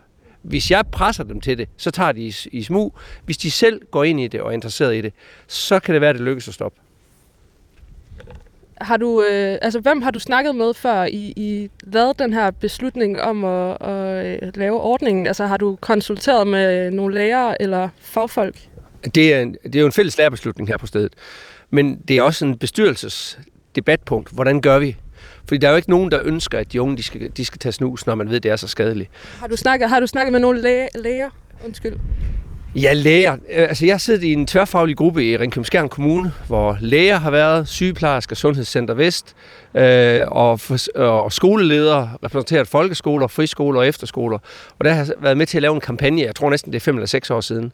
Øh, ja, så selvfølgelig ved jeg noget om øh, skadevirkningerne omkring snus, og det er også derfor, jeg har pligt til at gå ind i det og hjælpe de unge ud af det. Andre efterskoler har måske lidt mere, øh, altså tidligere har vi jo snakket lidt om, at, at du synes egentlig, I er rimelig strikte her, men øh, andre steder på andre efterskoler vil der måske være nul-tolerance. Øh, hvorfor ikke have det? Nul tolerance, det tvinger de unge til at snyde med det. Fordi fordi du har, hvis du har nul tolerance, så betyder det jo ikke, at du ikke har nogen, der tager snus. Vi har håndbold, fodbold og gymnastik som skolens profilfag, og i alle de der idrætsgrene, der, tager de unge, der er der mange af de unge, der tager snus. Og det gør voksenverdenen jo i øvrigt også i de der sportsgrene. Det er deres stjerner. Hvis deres stjerner tager det, ja, så påvirker man de unge til at tage snus. Derfor er jeg jo nødt til at være særlig vågen. Hvis du på Lund tager snus, uden du er på aftale, så er det en øh, samtale og en henstilling. Næste gang der er det en advarsel, og så er det altså en bortvisning, og det holder vi meget striks på. Øh, den seneste elev, vi har bortvist, det er på grund af snus. Så der er vi til gengæld meget strikse, hvis de misbruger vores tillid. Øh, bortvisningen, det er egentlig for at misbruge tilliden. Øh, det vil jeg ikke have. Men jeg vil gerne hjælpe nogen, der er ærlige. Kunne man så ikke hjælpe dem, øh, altså dem, der er ærlige om deres øh, misbrug af, af snus, kunne man så ikke hjælpe dem ved at øh, give dem lov til at trappe ud med plaster i stedet for? Det har ikke effekt nok. Øh, og nikotintyggegummi, det har ikke effekt nok. Det, der har effekt, det er at få morgensnus væk. Fordi hvis de kan, hvis de, om morgenen der vågner de, og de tænker på, at jeg skal snus, jeg skal snus. Hvis man kan trappe den væk, så er man i gang. Og, og, og hvis du har nogen, der har taget øh, over 12 skiver om dagen, og faktisk på nuværende tidspunkt af et skoleår, er klar til at prøve en forsøgsperiode på 14 dage, hvor vi trapper ud og snus, så kan man snakke om succes. Øh, og have nogen, der tager det i smug ned på værelset, og det spreder sig til de andre på værelset, det er ikke en succes. Øh, det er simpelthen forkert øh, indgang til det, efter min mening. Og så vil jeg bare lige øh, slutte af med at hurtigt vende tilbage til øh, Mikkel Urbrand og Elias Frost. Øh, drenge, er I kommet ud af snusen, og er det øh, sidste gang, I sidder herude på snusbænken? Altså, det er da forhåbentlig sidste gang. Det er jo 10. dag nu, hvor vi ikke har taget det, så øh, vi håber helt sikkert på, at vi ikke øh, skal herud igen, og vi kan blive ved i den her gode øh, sti, vi kører i. Ja. Tak skal I have, og øh, tillykke med det. Ja, tak.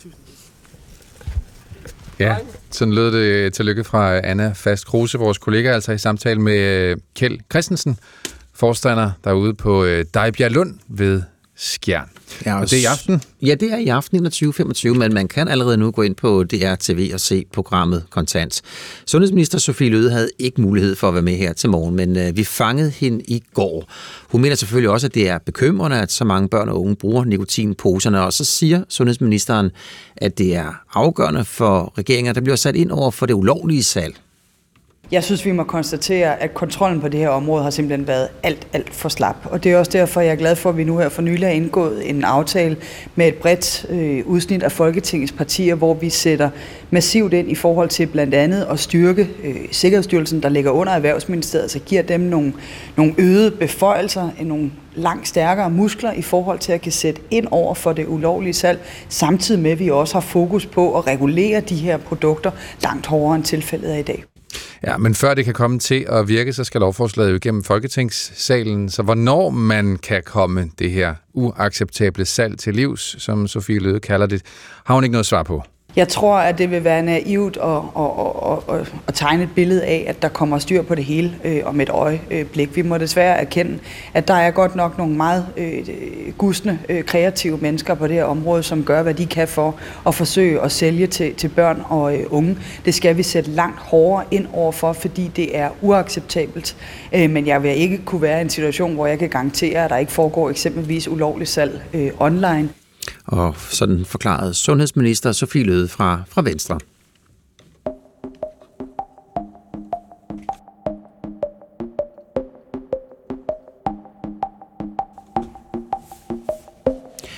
Irma-dåsen, Irma-kaffen, Irma-nettet og ikke mindst Irma-pigen. Det er efterhånden blevet eftertragtede øh, design-ikoner, som øh, måske mest folk i København viser frem på gaden og i hjemmet.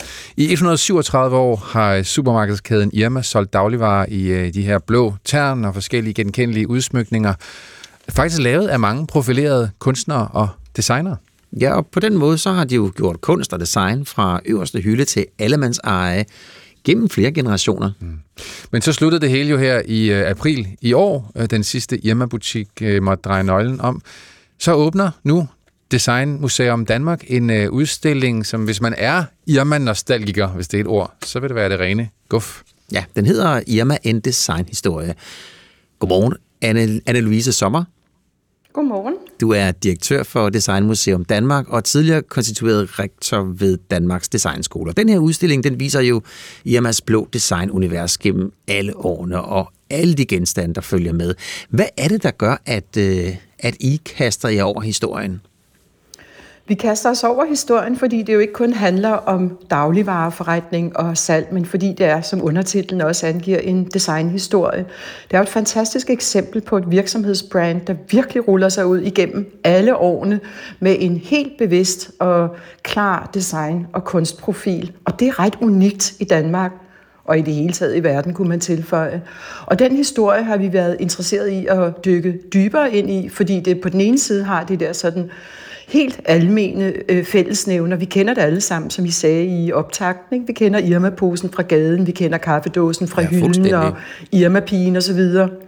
Øh, så alle kender det, men øh, det har altså også en anden historie, fordi det er rigtige kunstnere, det er rigtige designer, der laver det. Så drømmen om at lade alt det nå ud bredt set, det er jo faktisk en ret visionær ting.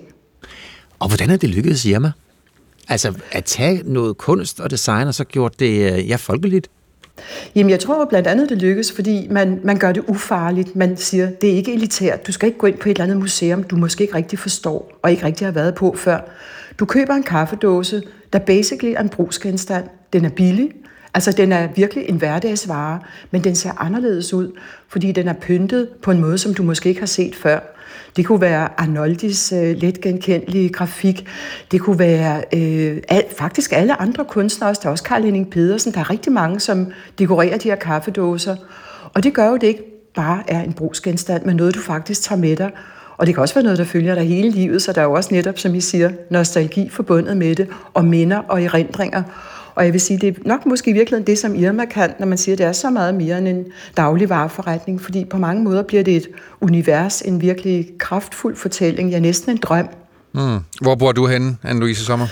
Uha, jeg bor lidt nord for København, så jeg er sådan en rigtig Irma-person, lige siden jeg har været barn, ikke? har det jo været en del af indkøbsuniverset. Det, jeg skulle lige tage at spørge, er det sådan relativt geografisk begrænset til dig og, og dem i området der, eller, eller når, når Irma med sit design rundt i hele Danmark?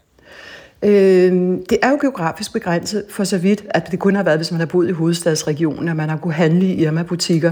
Men fordi det har haft den her helt særlige visuelle identitet og profil, og der også i forskellige tider har været lidt hype omkring det, så tror jeg, det er noget meget videre ud omkring. Man kan måske sige, at der har været sådan lidt battle mellem dem, der har været brugsforeningsfolk og Irma-folk, ikke? altså måske især før i tiden også.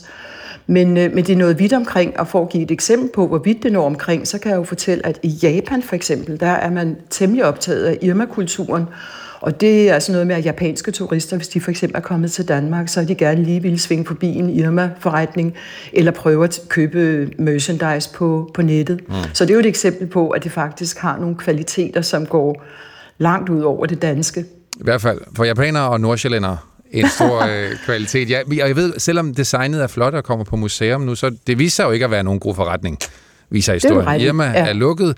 Er det en lang fejring af Irmas design, eller er der også et sted, du synes, I går kritisk til brandet? Øh, det vi har sat os for, det er netop at vise den her designhistorie, og vise, hvad design kan i forhold til et forretningskoncept. Og det har vi faktisk en god tradition for i Danmark. Det er der også mange andre øh, firmaer, profilerede firmaer, der har gjort. Og det er jo en vigtig del for os som designmuseum at vise, at design det er ikke bare det pæne øh, pynt på dåsen. Det er altså faktisk noget, der også kan være en forretningsmodel. Og ja, du har ret i, at Irma ikke længere er et eksisterende brand, og vi kigger tilbage på noget. Men måske kan man lade sig inspirere og se, at det faktisk kan flytte noget. Der har været rigtig meget i den danske, du kan sige mainstream-kultur, der er blevet flyttet gennem Irma.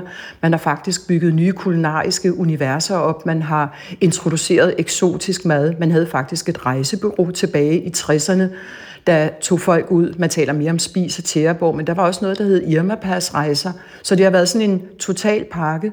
Og det tror jeg jo har været en rigtig klog ting som øh, en, øh, et nyt forretningskoncept at bygge det op på den måde på alle tangenter. Mm.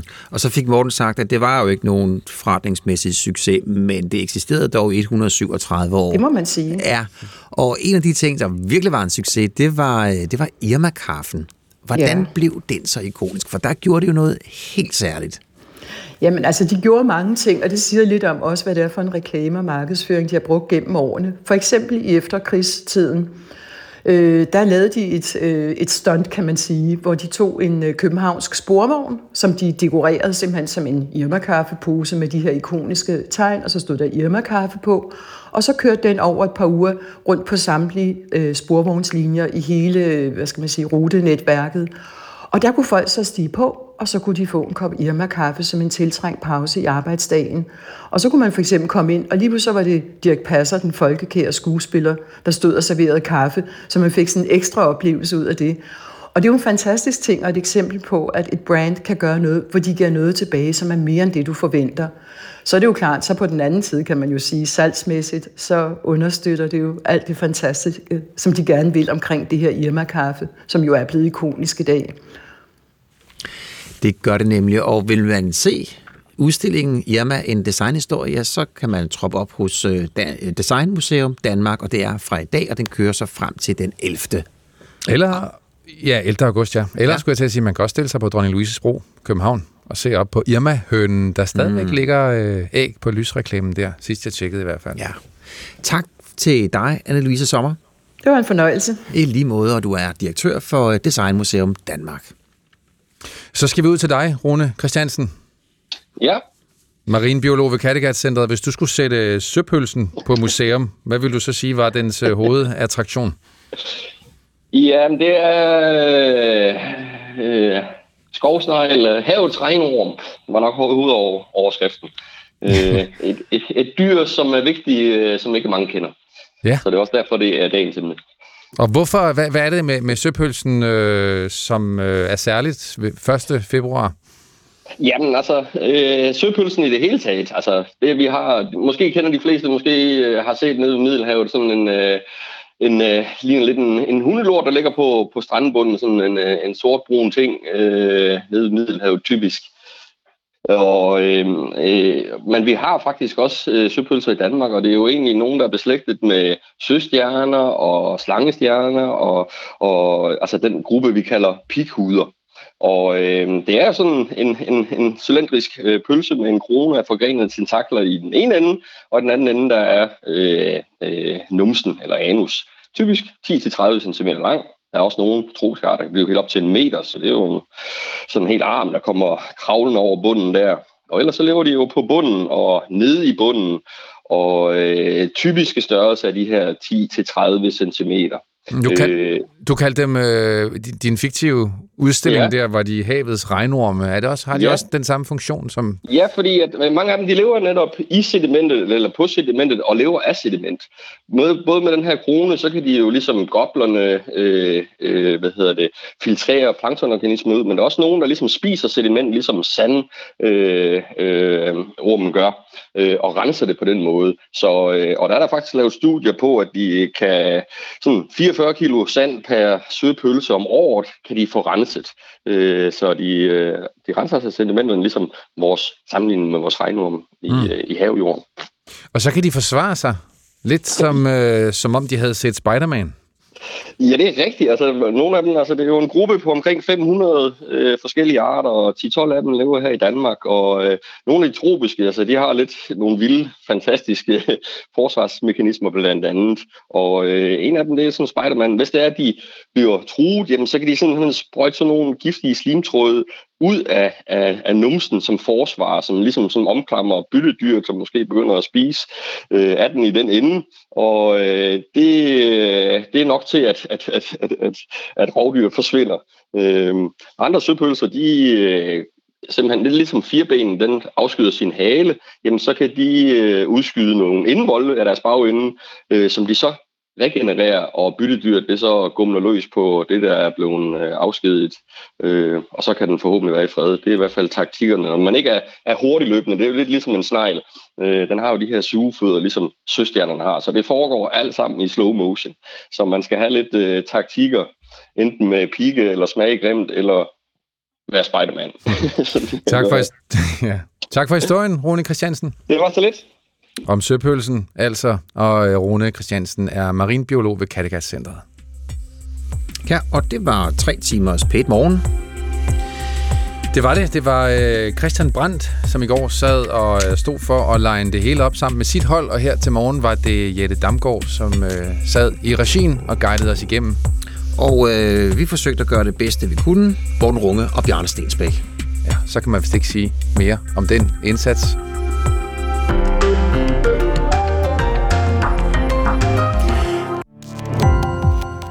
Gå på opdagelse i alle DR's podcast og radioprogrammer. I appen DR Lyd.